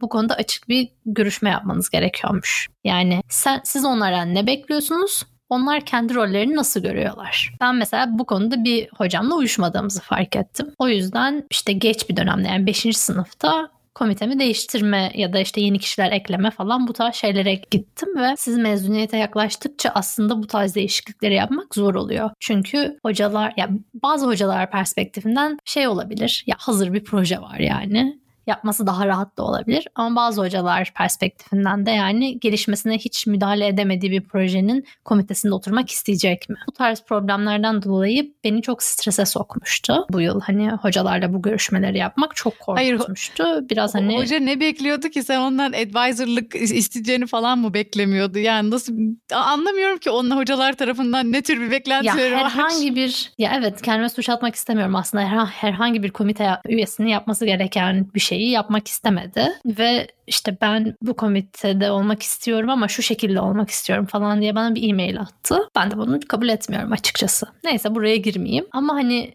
geçen bölümde de söylemiştim. Hani doktora sürecinde genel olarak üniversiteye dair öğrendiğim iki şey oldu. Birincisi departman arkadaşlarının arkadaşın olmadığı, iş arkadaşın olduğu. İkincisi hocaların salak ve zalim olduğu gerçeği. Olabileceği gerçeği yani. Böyle bazen idealist şeylerle biz akademiyi seçtiğimiz için herkes öyle zannediyoruz. Ama daha demin mesela Süreyya'nın anlattığı örnekteki hocanın tepkisi ve yarattığı sonuçlar ya da bizim hayatımızda başka şekillerde de oldu yani. Böyle bir durum var. Dolayısıyla tetikte olmak lazım. Zaten ben doktoraya ilk geldiğimde oryantasyon günü bir şeyi doktor öğrencisini sahneye çıkarmışlardı. Kız da demişti ki bize advocate for yourself. Size verebileceğim en önemli tavsiye bu olur demişti. Yani kendi kendinizin arkasında olun mu? Ne? Haklarınızı savunun olabilir. Evet. Aynen yani. Kendinizi savunun.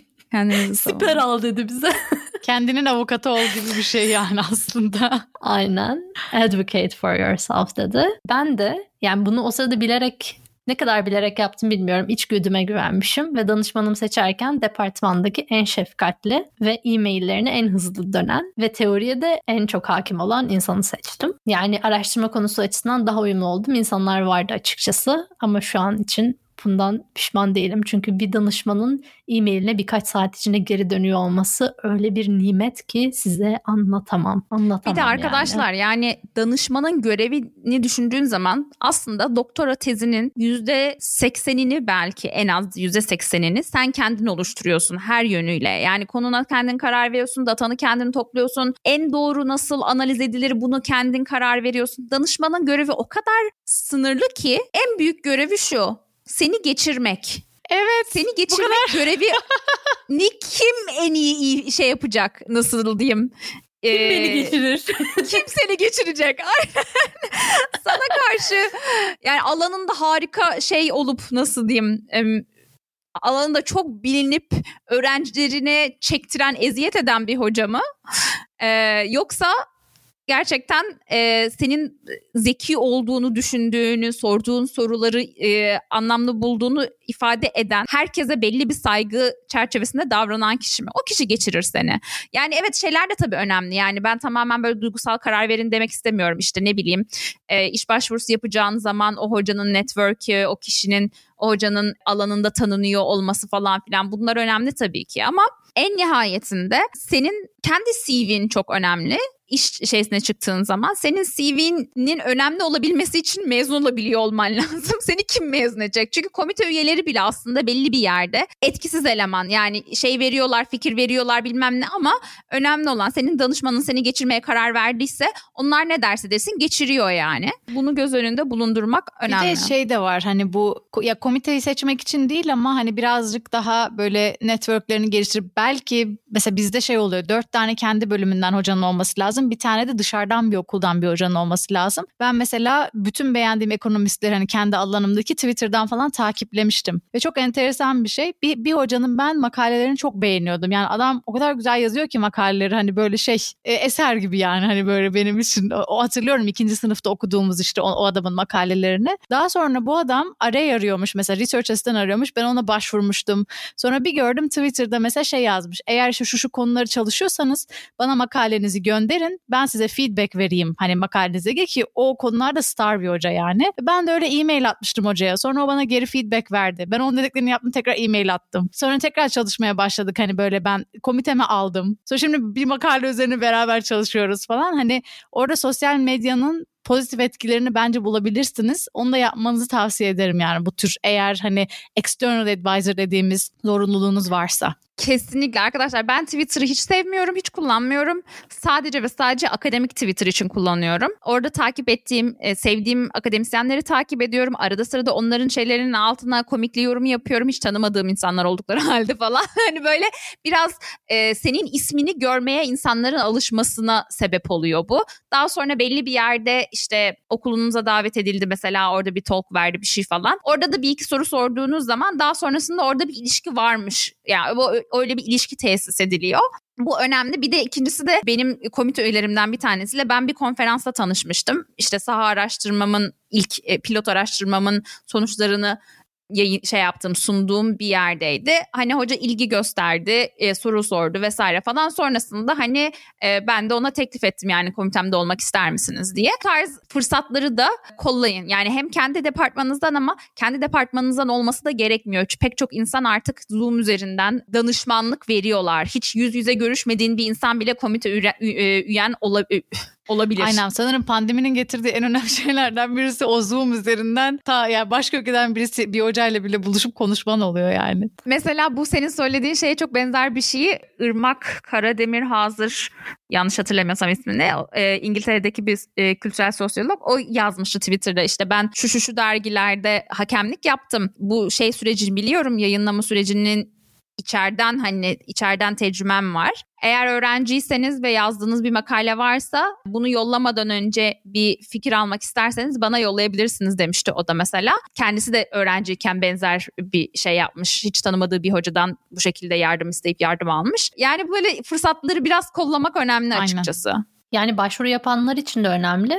Bana böyle dünyadan herkes şey baş, başvuru dönemi yaklaştığında e-mailler atıyor. Böyle bir proposal yazdım okuyab yani şey sorularım var işte görüşebilir miyiz sorularımı sana yollayabilir miyim proposal'ıma feedback verebilir misin falan diye. Öyle beraber proposal yazdığımız insanlar da oluyor. Hani o bölümlerdeki doktor öğrencilerine de ulaşabilirsiniz. Bir şey diyeceğim bunu yaparken şuna belki dikkat etmek gerekiyor. Bunu da altını çizelim. Evet insanlar size yardımcı olmak için genelde zamanları olduğu zaman yardımcı olmak istiyorlar. Buna hevesli oluyorlar falan. Eyvallah. Bunları kullanmak gerekiyor. Eyvallah. Ama bu yardımı isterken de birazcık akıllıca davranmak gerekiyor bence. Hani o kişi sanki rastgele önünüze düşmüş de ona ondan bir şey istemişsiniz gibi bir şekilde ya da onun size yardım etmek zorunluluğu varmış gibi bir dille değil de şöyle bir sebepten ötürü sizin faydalı olacağınızı düşünüyorum. Çünkü siz şunları şunları yaptınız, bu alanda çalışıyorsunuz ve bu alandaki yetkinliğiniz olduğunu düşünüyorum. Ya da ikimizin arasında şöyle bir ortak özellik var gibi belli bazı bağlantıları kurarak bunları istemek bir cümleyle ifade edebileceğiniz, iki cümleyle ifade edebileceğiniz bir şey ama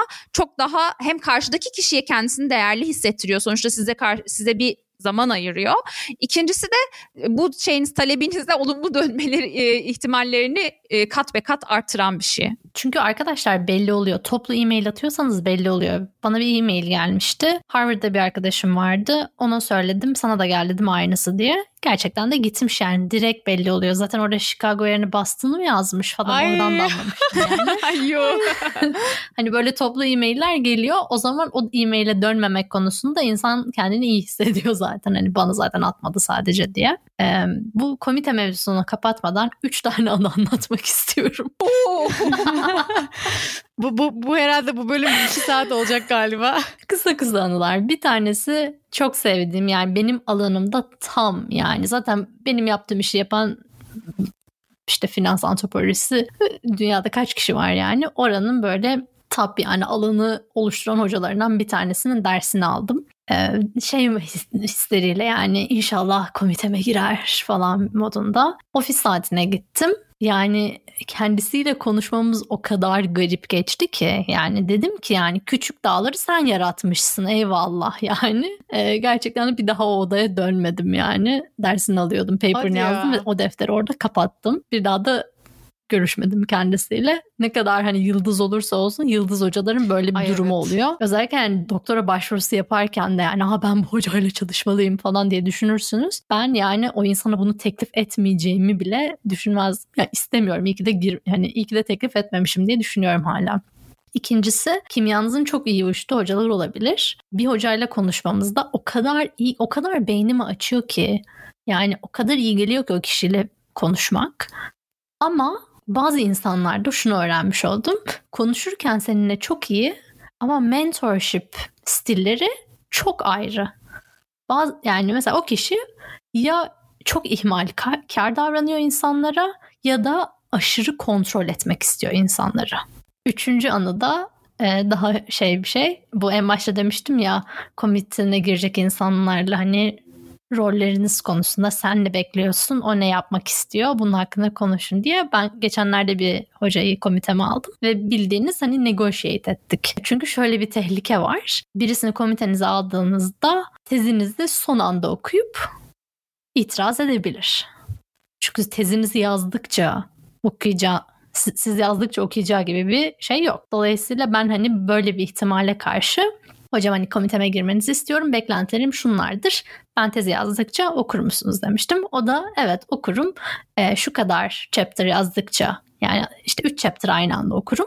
E, bunlara da şu kadar sen bana yolladıktan şu kadar hafta sonra cevap veririm e, feedback yollarım falan diye tek tek Ay bunları ne kadar açıkladım. değişikler ya. Ay sizin kaprisiniz iyiyim ya. Bu ne be?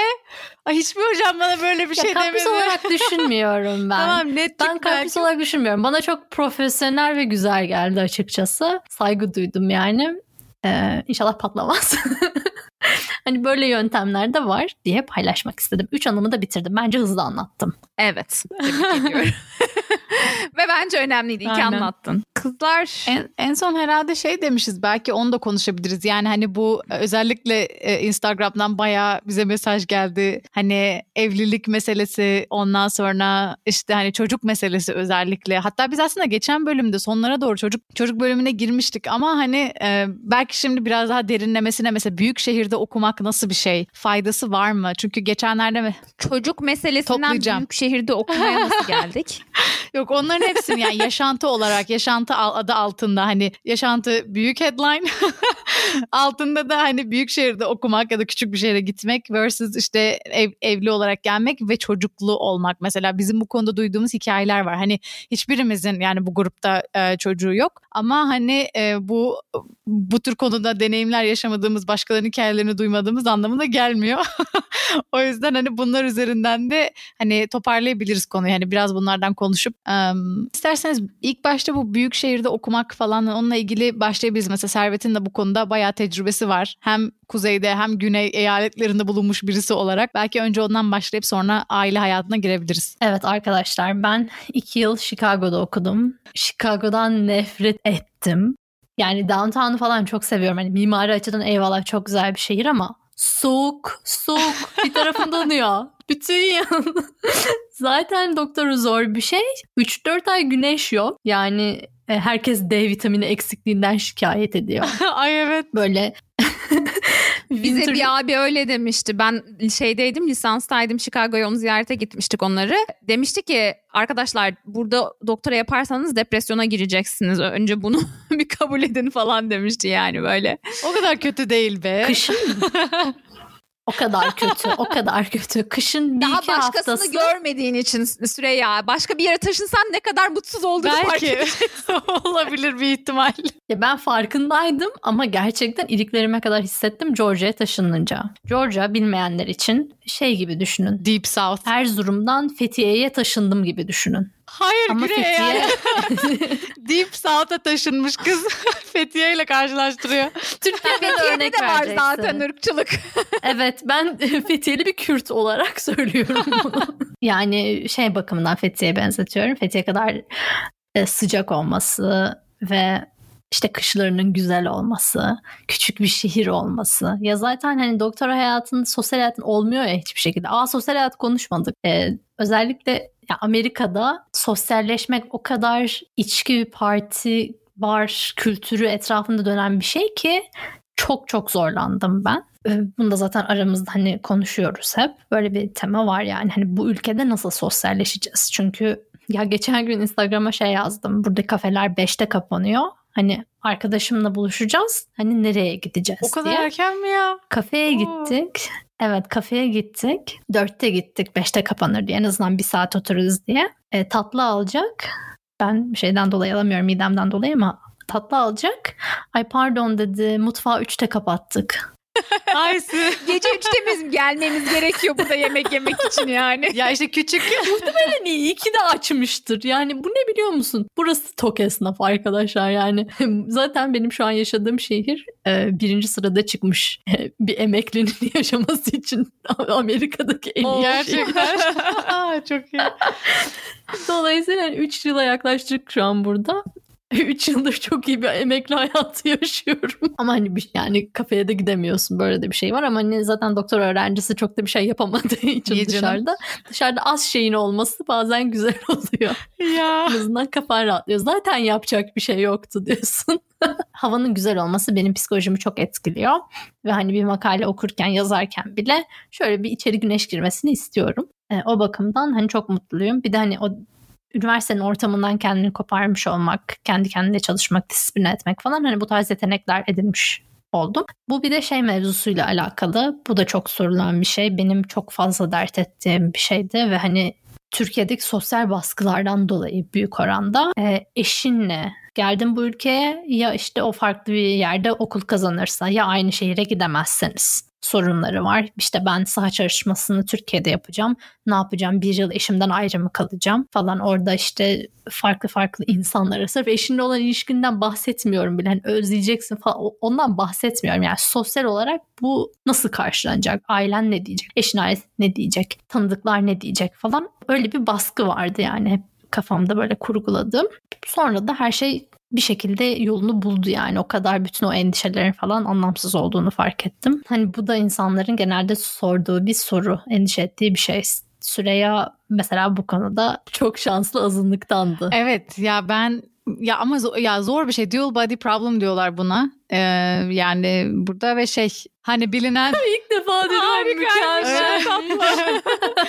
yani akademide meşhur bir şeymiş yani öğrenmiş olduk. Zaten gelirken de biz yani aynı şehre gelme zorunluluğumuzdan dolayı hani böyle bir sıkıntı yaşamıştık zaten. Tabii birinci sınıfta hani başvurma şeyinden önce. Hani çok şükür denk gelmişti. Yani hani bir New York'ta bir de Chicago'da ikili tutturabilmiştik. Ondan sonra daha sonra Chicago'yu te- tercih edince hani işte e, buraya gelmiş olduk ama yani bu dual body problem her zaman devam ediyor. Şimdi de mesela e, iş piyasasında kim nerede iş bulacak ben orada iş bulabilecek miyim istediğim yer olacak mı dertlerinden dolayı bitmiyor süreç. Biraz onun getirdiği hani böyle zorluklar olmadı değil yani o hani şey hani olmadı dersem yalan söylemiş olurum. Hatta çok büyük strese girdiğimiz zaman da oldu. Yani hani kiminin teklifi mesela benim teklifim geliyor atıyorum ya da eşimin teklifi geliyor ama ben oraya gidemeyeceğim için işte orayı reddediyor falan. Hani o yüzden böyle büyük sıkıntı yani sıkıntılara sebep olabiliyor. Hani tabii beraber olmanın geçen bölümde ben çok hani güzel bir şey olduğunu falan söylemiştim ama tabii bu tür aynı anda job market'e çıkmak vesaire hani bunların getirdiği handikaplar var yani maalesef. Biz de mesela e, sahamın yarısında e, evlendim ve hani e, Amerika'ya geri dönmüştüm belli bir süreliğine. Sonra Türkiye'ye tam geri dönecekken işte nasıl olacak evlen yeni evlendik e, aylarca nasıl ayrı kalacağız orada ayrı kalacağımız 3 aydı yani hani falan diye böyle düşünürken pandemi patlak verince aa gidemiyorum tüh falan oldu böyle. Benim Hani de öyle oldu işte bir yıl ayrı kalacağım dedim. Buradan oldu. yaptım yani. Aynen. Yani bazen böyle dört ayak üstüne düşebiliyoruz. Yani aslında kendi verini kendin toplayacaksan gerçekten e, bunları göz al- alman gerekiyor. Yani yurt dışında okuyup Türkiye çalışacağım falan o, sü- o süreç içerisinde e, eşinden uzun süre ayrı kalabilirsin. Ya da eşin uzaktan çalışıyorsa hani o seninle gelebilir belki ama o da pek çok kişinin e, sahip olduğu bir olanak değil. Ben hep mesela şey şaşırırdım. E, lisansta atıyorum işte Layla Abulugot'un falan böyle farklı antropologların şeyleri kitaplarını okurken işte Amerika'dan gitmiş hiç tanımadığı bir ülkede orada yani 7-8 ay bile değil yıllarca kalmış çocuğu var kocası var falan bunlar böyle nasıl yapıyorlar ya diyordum ve bir ara ben de hani Türkiye'de farklı bir şehirde yapsam etnografimi falan diye düşünüyordum. Sonra dedim ki yani hem eşimden ayrılacağım hem o gittiğim şehirde kimseyi tanımıyor olacağım falan bu kadar zorlamaya gerek yok kendimi dedim. En azından yanımda ailemin dostlarımın olması o saha sürecini benim için kolaylaştıracak bir şey ve ayrıca e, akıl sağlığını önceleyerek bazı böyle kararlar almak kesinlikle utanılması gereken bir şey değil. Onun muhakkak bir kılıfına uyduruyorsunuz yani neden işte başka bir yer değil de İstanbul çalışmanın faydaları falan böyle gayet rahat ifade edebileceğiniz, savunabileceğiniz sebepler ortaya çıkıyor yani. Ama bence yani gitsen de bir şekilde oluyor. Yani ben şunu fark ettim burada. Kafamızda bu sosyal baskılar var ama bunların hani gerçekteki karşılığından emin değilim. Yani şunu fark ettim. Türkiye'deki insanların çoğunun benim nerede yaşadığımdan haberi bile yok. Bilmiyorlar nerede ne yapıyorum falan. Hani ben gidip 4 ay e, Venezuela'da yaşasam kimsenin ruhu da duymaz açıkçası. Kesinlikle. Beni hala herkes tüm ailem Chicago'da yaşıyor zannediyor. Her seferinde onları. Beni hani de. ben taşındım ya falan diyorum. Siz diyor Hikmet Hanım'la berabersiniz değil mi diyorlar.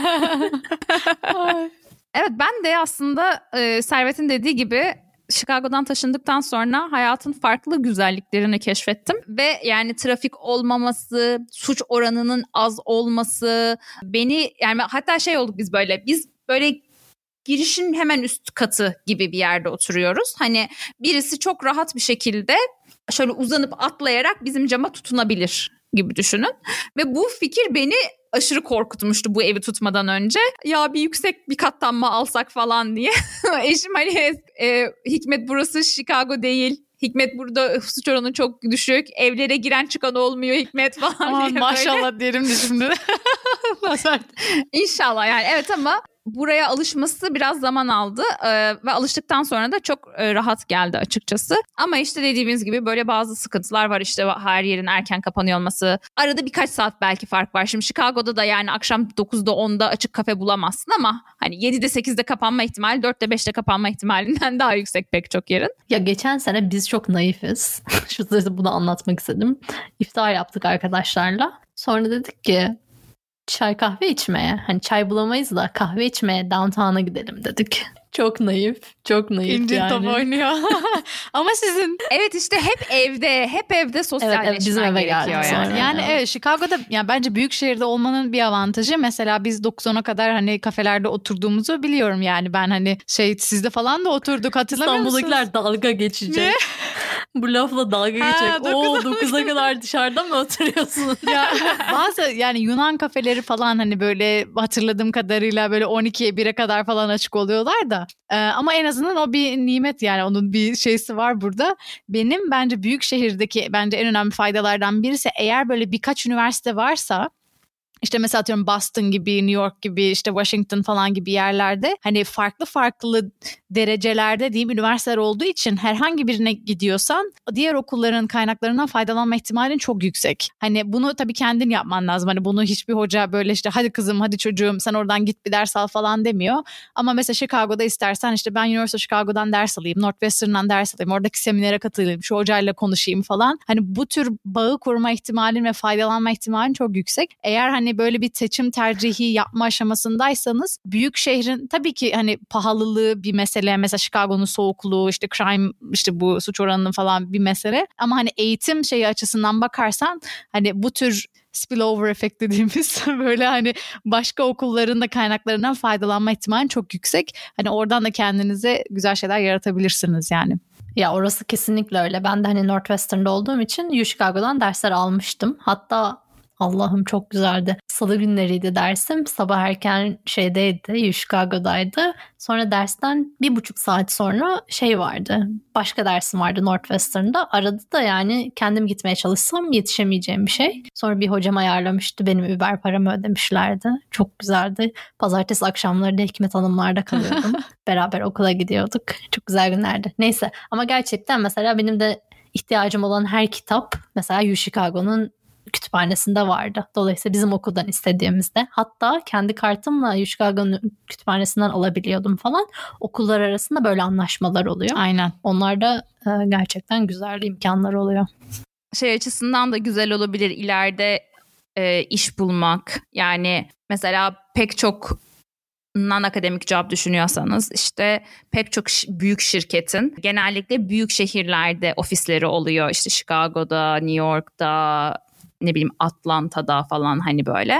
E, öyle olduğu için mezun olduktan sonra tekrar taşınma derdine girmeme imkanınız da oluyor büyük şehirlerde daha uzun süreli kalabiliyorsunuz ama ama tabii yaşam pahalılığı e, konusu söz konusu daha küçük bir yerde çok daha fazla tasarruf edebilecekken büyük şehirde yaşadığınız zaman biraz daha böyle kıl payı yani ayı geçirerek geçinme durumu söz konusu olabilir. Onu da göz ardı etmemek gerekir diye düşünüyorum. Ama genelde zaten üniversiteler ona göre maaş verir. Yani aynı maaşı almazsınız şey hiçbir yerde. Eğer küçük bir şehirde küçük bir üniversitedeyseniz o üniversite oradaki kirayı yine göz önünde bulundurarak sizi ancak geçindirecek bir maaş verir yani. Ama şimdi küçük üniversite her zaman küçük yerde, büyük üniversite her zaman büyük şehirde olmayabiliyor. Yani, Yok yani büyük şehirde büyük küçük üniversitede. üniversitede. Efendim? Küçük şehirdeki büyük üniversitede yine o şehirdeki e, yaşam ücretlerini göz önünde bulundurarak daha az maaş veriyor öğrencisine. Emin değilim ondan. Doktor öğrencisi hiçbir yani. yerde şey hariç galiba Notre Dame hariç hiçbir yerde iyi geçinmiyor arkadaşlar. Bunu demeye çalışıyorum. evet evet belki ben biraz daha sonrasını düşünerek konuşuyorum şu an. biraz daha iş gündemim iş şeysi olduğu için. Evet bence pek çok konuyu konuştuk. Çocuk konuşmadık. Çocuğa gelelim çocukta gelinecek ne var bilemiyorum arkadaşlar. Çocuğumuz yok o yüzden konuşmuyoruz çocuğu yani. Yani duyduğumuz birkaç hikaye anlatabiliriz diye düşündüm. Farklı farklı ya şimdi Amerika'daki sistemi anlamak öncelikle önemli. Amerika bu konularda çok kötü bir ülkedir. Siz e, şey yapacaksınız diye, çocuk doğuracaksınız diye size uzun uzun ücretli izin vermezler. Bizim okulda bir dönem veriyorlar. Üç aya falan tekabül ediyor yani. Ekstra alabileceğin şey budur yani. Başka okullarda var mı emin değilim açıkçası. Şey saha çalışması yaparken hamile kalan, işte tezini yazarken doğuran falan. Hani böyle çok fazla örnek var. Ee, ama genelde insanların özellikle kadınların e, çocuklu olmadığını görüyoruz. Çünkü zor bir şey. Zaten e, dinleyicilerimiz de hani tecrübe edenler de yazmış. E, özellikle şey yani birisi şey yazmış o çok iyiydi. Normalde biz ders çalışmaya oturduğumuzda böyle bir yarım saat, bir saat odaklanma problemi çözeriz. Herhalde çocuğunuz olunca zaten toplamda o kadar durabileceğiniz için direkt odak 30 saniye var odaklanmak için tarzında bir yorum yapmış. O çok hoşumuza gitti. Öyle bir durum var. Benim ama başka duyduğum örnek. Ya bazen çok güzel örnekler duyuyorum ve çok hani teşvik edici oluyor. Arkadaşımın arkadaşı, arkadaşım yaşıyor. Pandemi sürecinde hani kız hamile olmuş. Kimseye söylememiş bölümden Sonra doğuruyor. Sonra hani Zoom'dan görüyorlar. Kız da diyor ki yani 3 gün önce doğurdum da hani arkada da bebek var. Ve şok oluyorlar yani kimsenin haberi yok. Ve kız hani doğurmuş ve dersine devam ediyor. Sonra bir yandan da asistanlık yapıyormuş galiba hani çocuğuyla derse gitmiş hani e, derse anlatmaya gitmiş falan. Hani alkış süper örnekler de görüyoruz. Hani hem insanı teşvik ediyor hem de böyle bir strese sokuyor açıkçası. Böyle bir baskı da oluşturuyor olabilir hani çünkü bilmiyorum hayal edemiyorum. Gerçekten hayal etmesi zor bir şey. Yani şu an bu kadar zorlanıyoruz. Öyle bir şey olursa kim bilir nasıl zorlanıyordur insanlar diye. Çünkü yani şu an Süreyya geçen bölümde de söylemişti yani eşinle ev işlerini paylaşmak bile bir problem yani. Ma- maalesef. maalesef. Hani çocuk bu işin içine dahil olunca kim bilir bu nasıl olur bilmiyorum. Öyle herkese... Bir de şöyle bir şey var yani doktora sürecinde belki olabilir. En azından test sürecinde şöyle e, hani gündüzleri e, eşin çalışırken sen çocukla ilgilenirsin akşamları eşin çalışmazken o çocukla ilgilenirsen tezine bakarsın falan ama eğer ikinizin de gündüz çalışmasını gerektiren bir işse işte atıyorum laboratuvara gitmen gerekiyor belli saatlerde açık laboratuvar ya da öğre, hani artık öğretim yapıyorsun ders öğretiyorsun ders saatleri belli falan gibi ise eşin ne kadar her şeyi müşterek paylaşmaya açık bir insan dahi olsa bir şekilde üçüncü bir yardım gerekiyor. Yani gündüzliğin çalışmaya devam edebilmen için. Ama şöyle de bir şey var bu sadece doktora süreciyle alakalı bir şey değil. Bu tamamen çalışma e, sektörünün mi diyeyim artık çalışmanın hani modern dünyada nasıl kurgulandığıyla alakalı. Doktoradan bir şekilde çocuksuz mezun olduktan sonra yine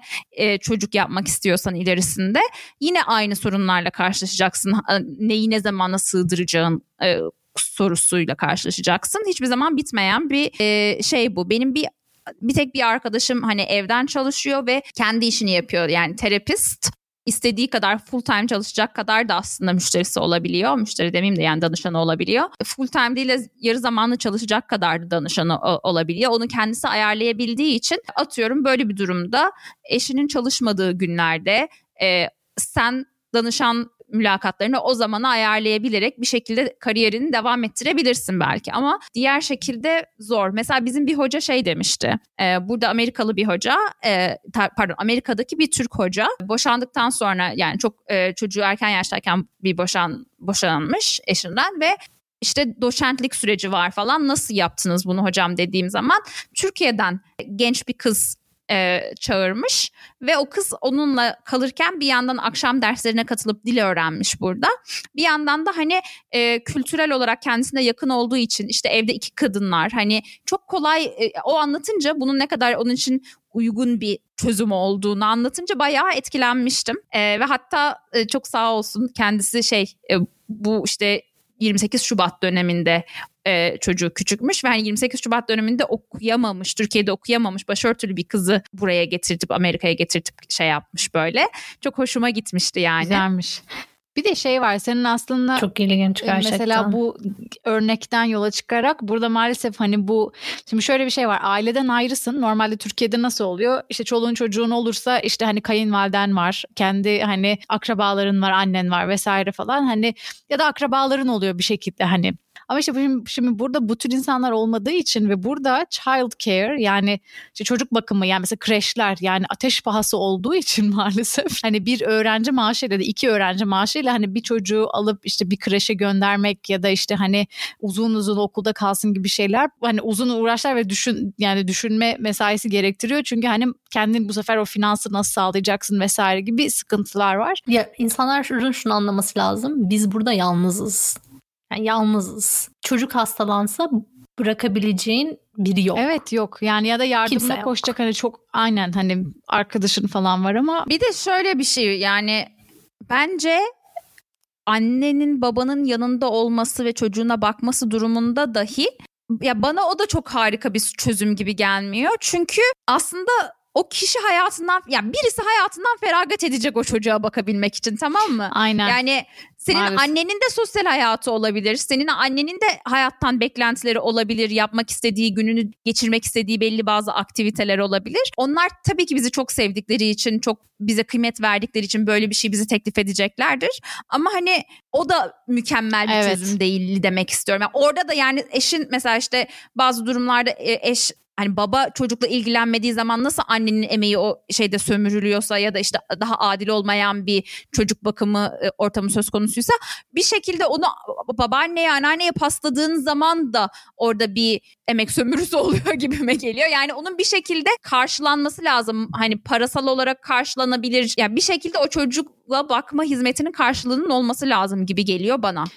Ya evet bunu insanlar hani kendileri full time'sa yani full time'sa. ya kimi insanlar bunu isteyerek yaptığı için hani bu tür belki insanların endişeleri olmayabilir ama haklısın o konuda da yani başka birisine böyle hani artık anneanneler zorunlu çocuk bakıcıları falan gibi bir algı artık oluşmaya başladı. Ya bu yalnızız dediğiniz konu yani gerçekten bence çok önemli çünkü mesela benim benim burada yeni doktora yap, ekonomide doktora yapmaya başlamış bir arkadaşım var mesela çocuğuyla geldi. Ve şey yani kız bazen şey söyledi bana geçen telefonda konuşuyorum bazen sinir krizleri geçirdiği oluyormuş. Diyor ki ya ödev submit edeceğim ve yani bir yandan çocuğum ağlıyor bir yandan ödevin işte deadline'ı geliyor yani artık şey göndermem gerekiyor. Hani o kadar strese girmiş ki oturdum dedi bilgisayar başında ağlamaya başladım. Bu sefer ben ağladıkça çocuk ağladı. o bir yandan ödevi gönderemiyorum falan. Hani ya. E, zaten kendi başına doktorunun hani zor bir süreci var. Zaten burada yalnızsın. E bir de burada hani bir de ilk senede mesela çocukla şeyle olmak hakikaten zor. Hani işte dediğimiz gibi belki bir şekilde hani informal bir şekilde böyle akrabalar vesaire ya da bir kreşe göndererek çözüm bulunabiliyor ama işte maalesef tamamen bir çözüm olmuyor yani. Şimdi size şunu paylaşmak istiyorum arkadaşlar madem mesele evlilik, iş bölümü bilmem ne kadının kariyerine devam etmesi şeylerine geldi. Bir tane Reddit'te Muslim Marriage diye bir şey var, sayfa var. Ben burayı aylardır takip ediyorum ve gerçekten orada şunu fark ettim. İnsanlar problemlerini yazıyorlar evlilikle alakalı işte ne bileyim kayınvalideyle şunlarına bunlarıyla alakalı pek çok problemini yazıyorlar. Hem evliliğe hazırlık sürecinde hem evlilik içerisinde ve işte başkaları da onlara yorum yapıyor. Şöyle yap, böyle yap, şunu yaparsan faydasını görürsün falan diye. Orada bazı insanların özellikle erkeklerin her şeyi, e, her problemi minimum asgari fıkıh bu konuda ne diyor üzerinden cevaplamaya çalıştığını e, gördüm. Mesela işte kadın diyor ki ben ev hanımıyım işte e, kariyerimden vazgeçtim çocuk bakıyorum eşim bana şunları şunları yapıyor falan böyle bir finansal bir sıkıntı olmuş ortada. Boşanma gibi bir durum söz konusu olduğu zaman bu kişi bana şey vermeli mi vermemeli mi? İşte mal pa- Mehir mal mi? paylaşımı, mal paylaşımı. Mehir, nafaka. Olmalı Nafaka. mı olmamalı mı? Hmm. Yani evlilik esnasında e, al- alınan şeyler işte ev, o, araba ya da işte o esnada yapılan tasarruflar, çalışan kişi adamsa. işte böyle bazı tipler var diyor ki hayır o adam siz evliyken senin geçimini sağladı mı sağladı, çocuğun çocuklarına bakıyor mu bakıyor, mehrini verdi mi verdi, daha ne istiyorsun falan hani böyle tamam mı? Görmedikleri şey şu. O kadın ben çok trigger oluyorum bunları okudukça. Görmedikleri şey şu. O kadın o evde o çocuğa bakmak için kendi ekonomik özgürlüğünden feragat ettiği zaman boşanma gibi bir durum söz konusu olduğu zaman o ondan aldığı 10 bin dolarlık mehir ya da 10 bin liralık mehir onu ne kadar götürebilir? Kariyerinde 10 senelik bir boşluk olduğunda CV'sinde kim onu tekrar işe alacak? Bu insanlar sadece ve sadece şey gibi böyle hani servis e, yani ne bileyim temizlik işçisi olarak bazen işe giriyor bu kadın eğitim durumundan bağımsız olarak. Yani gerçekten boşanma sonrasında kadınların yaşa- yaşadığı ekonomik sıkıntıların çok büyük bir kısmının evlilik esnasındaki alınan kararlarla bağlantılı olduğunu görmeyip meseleyi sadece böyle işte İslami olarak sadece şunu yapmakla zorunludur. Adam sana tekrar şunu bile almak zorunda değildir falan gibi şeylerle böyle savundukları zaman ben rahatsız oluyorum. Size bunu paylaşmak istedim. Yani sosyal bağlamından koparılmış fıkıh beni gerçekten şey yapıyor. Senin dediğin gibi trigger ediyor. Çünkü abi emzirmek bile zorunda olmadığım bir din var. Anlatabiliyor muyum? Ama yani benim realitem bu olmayacak. Aynen yani şimdi ha, kaç kadın ka- eşinin karşısına çıkıp ben emzirmek istemiyorum falan. Hani bunlar birazcık gerçek sorunların üstünü örten şeyler. Gerçek mevzulara nasıl İslami prensiplerle yaklaşılabilir çözümler bulunabilir şeysini es geçen sorusunu es geçen şeyler. Aslında biz de bu mevzuları hep düşünüyoruz arkadaşlar. Yani kadın olduğun zaman e, çocuğun olsun olmasın. Doktora yapıyor ol, ol ya- yapmıyor ol. İnsanın hep kafasından geçen e, şeyler, düşünceler bunlar. Herkese kolaylıklar diliyorum. Ben son olarak bir şey söylemek istiyorum. Ee, geçenlerde öğrendiğim bir şey. Burada çalışan bir kız var. Ee, şu an hamile ve uzaktan çalışıyor, evden çalışıyor. Ve şunu öğrendim. İş yeri ona eğer evden çalışmaya devam etmek istiyorsa bakıcı tutmasını zorunlu kılmış. Yani şuna getirmek istiyorum. Haklar alınıyor. Hiçbir zaman verilmiyor. Pandemi oldu. İşte artık uzaktan çalışacak. Kadınlar daha rahat. Değil. Yani kapitalizm belli eşitsizlikleri yeniden üretmeye her şekilde her değişiklikte devam ediyor ve aldığımız hakları biz alıyoruz. Bravo. Evet arkadaşlar. Güzel oluyormuş ya böyle bölüm çekmekte. Valla bol bol konuştuk. Yani umarım atladığımız bir şeyler kalmamıştır. Ya tabii ki illaki belki olmuştur ama ha, en azından biraz daha detay. Özellikle Belki mi belki mi? Ha? Özellikle çocuk Ya, konusunda yani Şimdi yazın tecrübe normalde etme- yazıda imla hatası bir şeyler aranıyor. Yazıma konuşurken de aramayın kardeşim. Bence bundan sonra şey yapmalıyız asıl. Ben sana e, şey yaptım ama takıldım ama ben ne zaman hani dersem o zaman bir şat. bir şat sütü, sütü, su, bir şey, bir çay. Ay. şey demek istiyorum kapatmadan. Yani çocuk sahibi olmadığımız için konuşurken hani kırdığımız ettiğimiz fark etmeden insanlar ol- olursa olduysa diye de biraz endişelendim. Onu da belirtmek istedim. E, o yüzden biraz çekindik galiba en başta zaten bu konuya girmeye. E, bir de zor bir tecrübe olduğunu bildiğimiz için, gördüğümüz için. Öyle böyle bir endişemiz var. Şimdi yayınlayacağız ama Ya şimdi kırılmak değil de belki bizi şöyle görüyor olabilirler. Ya çocuğu bile yok neyin bu kadar söyleniyor falan. yemek yiyemiyorum, yemek yiyemiyorum ne yapayım? Arkadaşlar Allah herkese her dağa kaldırabileceği yükü veriyor diyelim. Herkesin kendi hayat koşulları içerisinde sıkıntıları, e, zorlandığı mevzular olabilir. Ya ben çocuk ol- sahibi olmanın aslında kendine has sıkıntılarını biliyoruz tabii ki görüyoruz yani e, benim de yiyenlerim var. Bunu görmekle beraber şey de çok biraz daha annelerin böyle anne olmayan kimsenin derdi yok gibi e, görme yatkınlığını da biraz dizginlemelerini rica ediyorum kendilerinden. Bazen o da şey olabiliyor yani hani biz işte konuştuğumuz zaman onlar trigger oluyorlar ama onlar konuştuğu zaman da biz trigger olabiliyoruz. O yüzden Nasıl toparlayalım bilemedim. Yani evet herkesin hayatı kendine ya. Herkesin problemleri var. Allah hepimize yardımcı olsun. Ben Aynen. söyleyecektim bir şey unuttum. Ben seneye taşınacağım. Nereye taşınacağımı henüz bilmiyorum ama bir sonraki Gel sen, bölümümüzde gel. bu arada şu an Ramazan arasına Chicago'ya doğru bir yaklaş, bir yukarı doğru bir karlı memleket. Hayırlısı olsun inşallah. Nereye taşınacağımızı henüz bilmiyoruz. Ee, Ramazan arasına gireceğiz şimdi. Ramazan arasından dönünce inşallah benim nereye taşınacağım da belli olacak.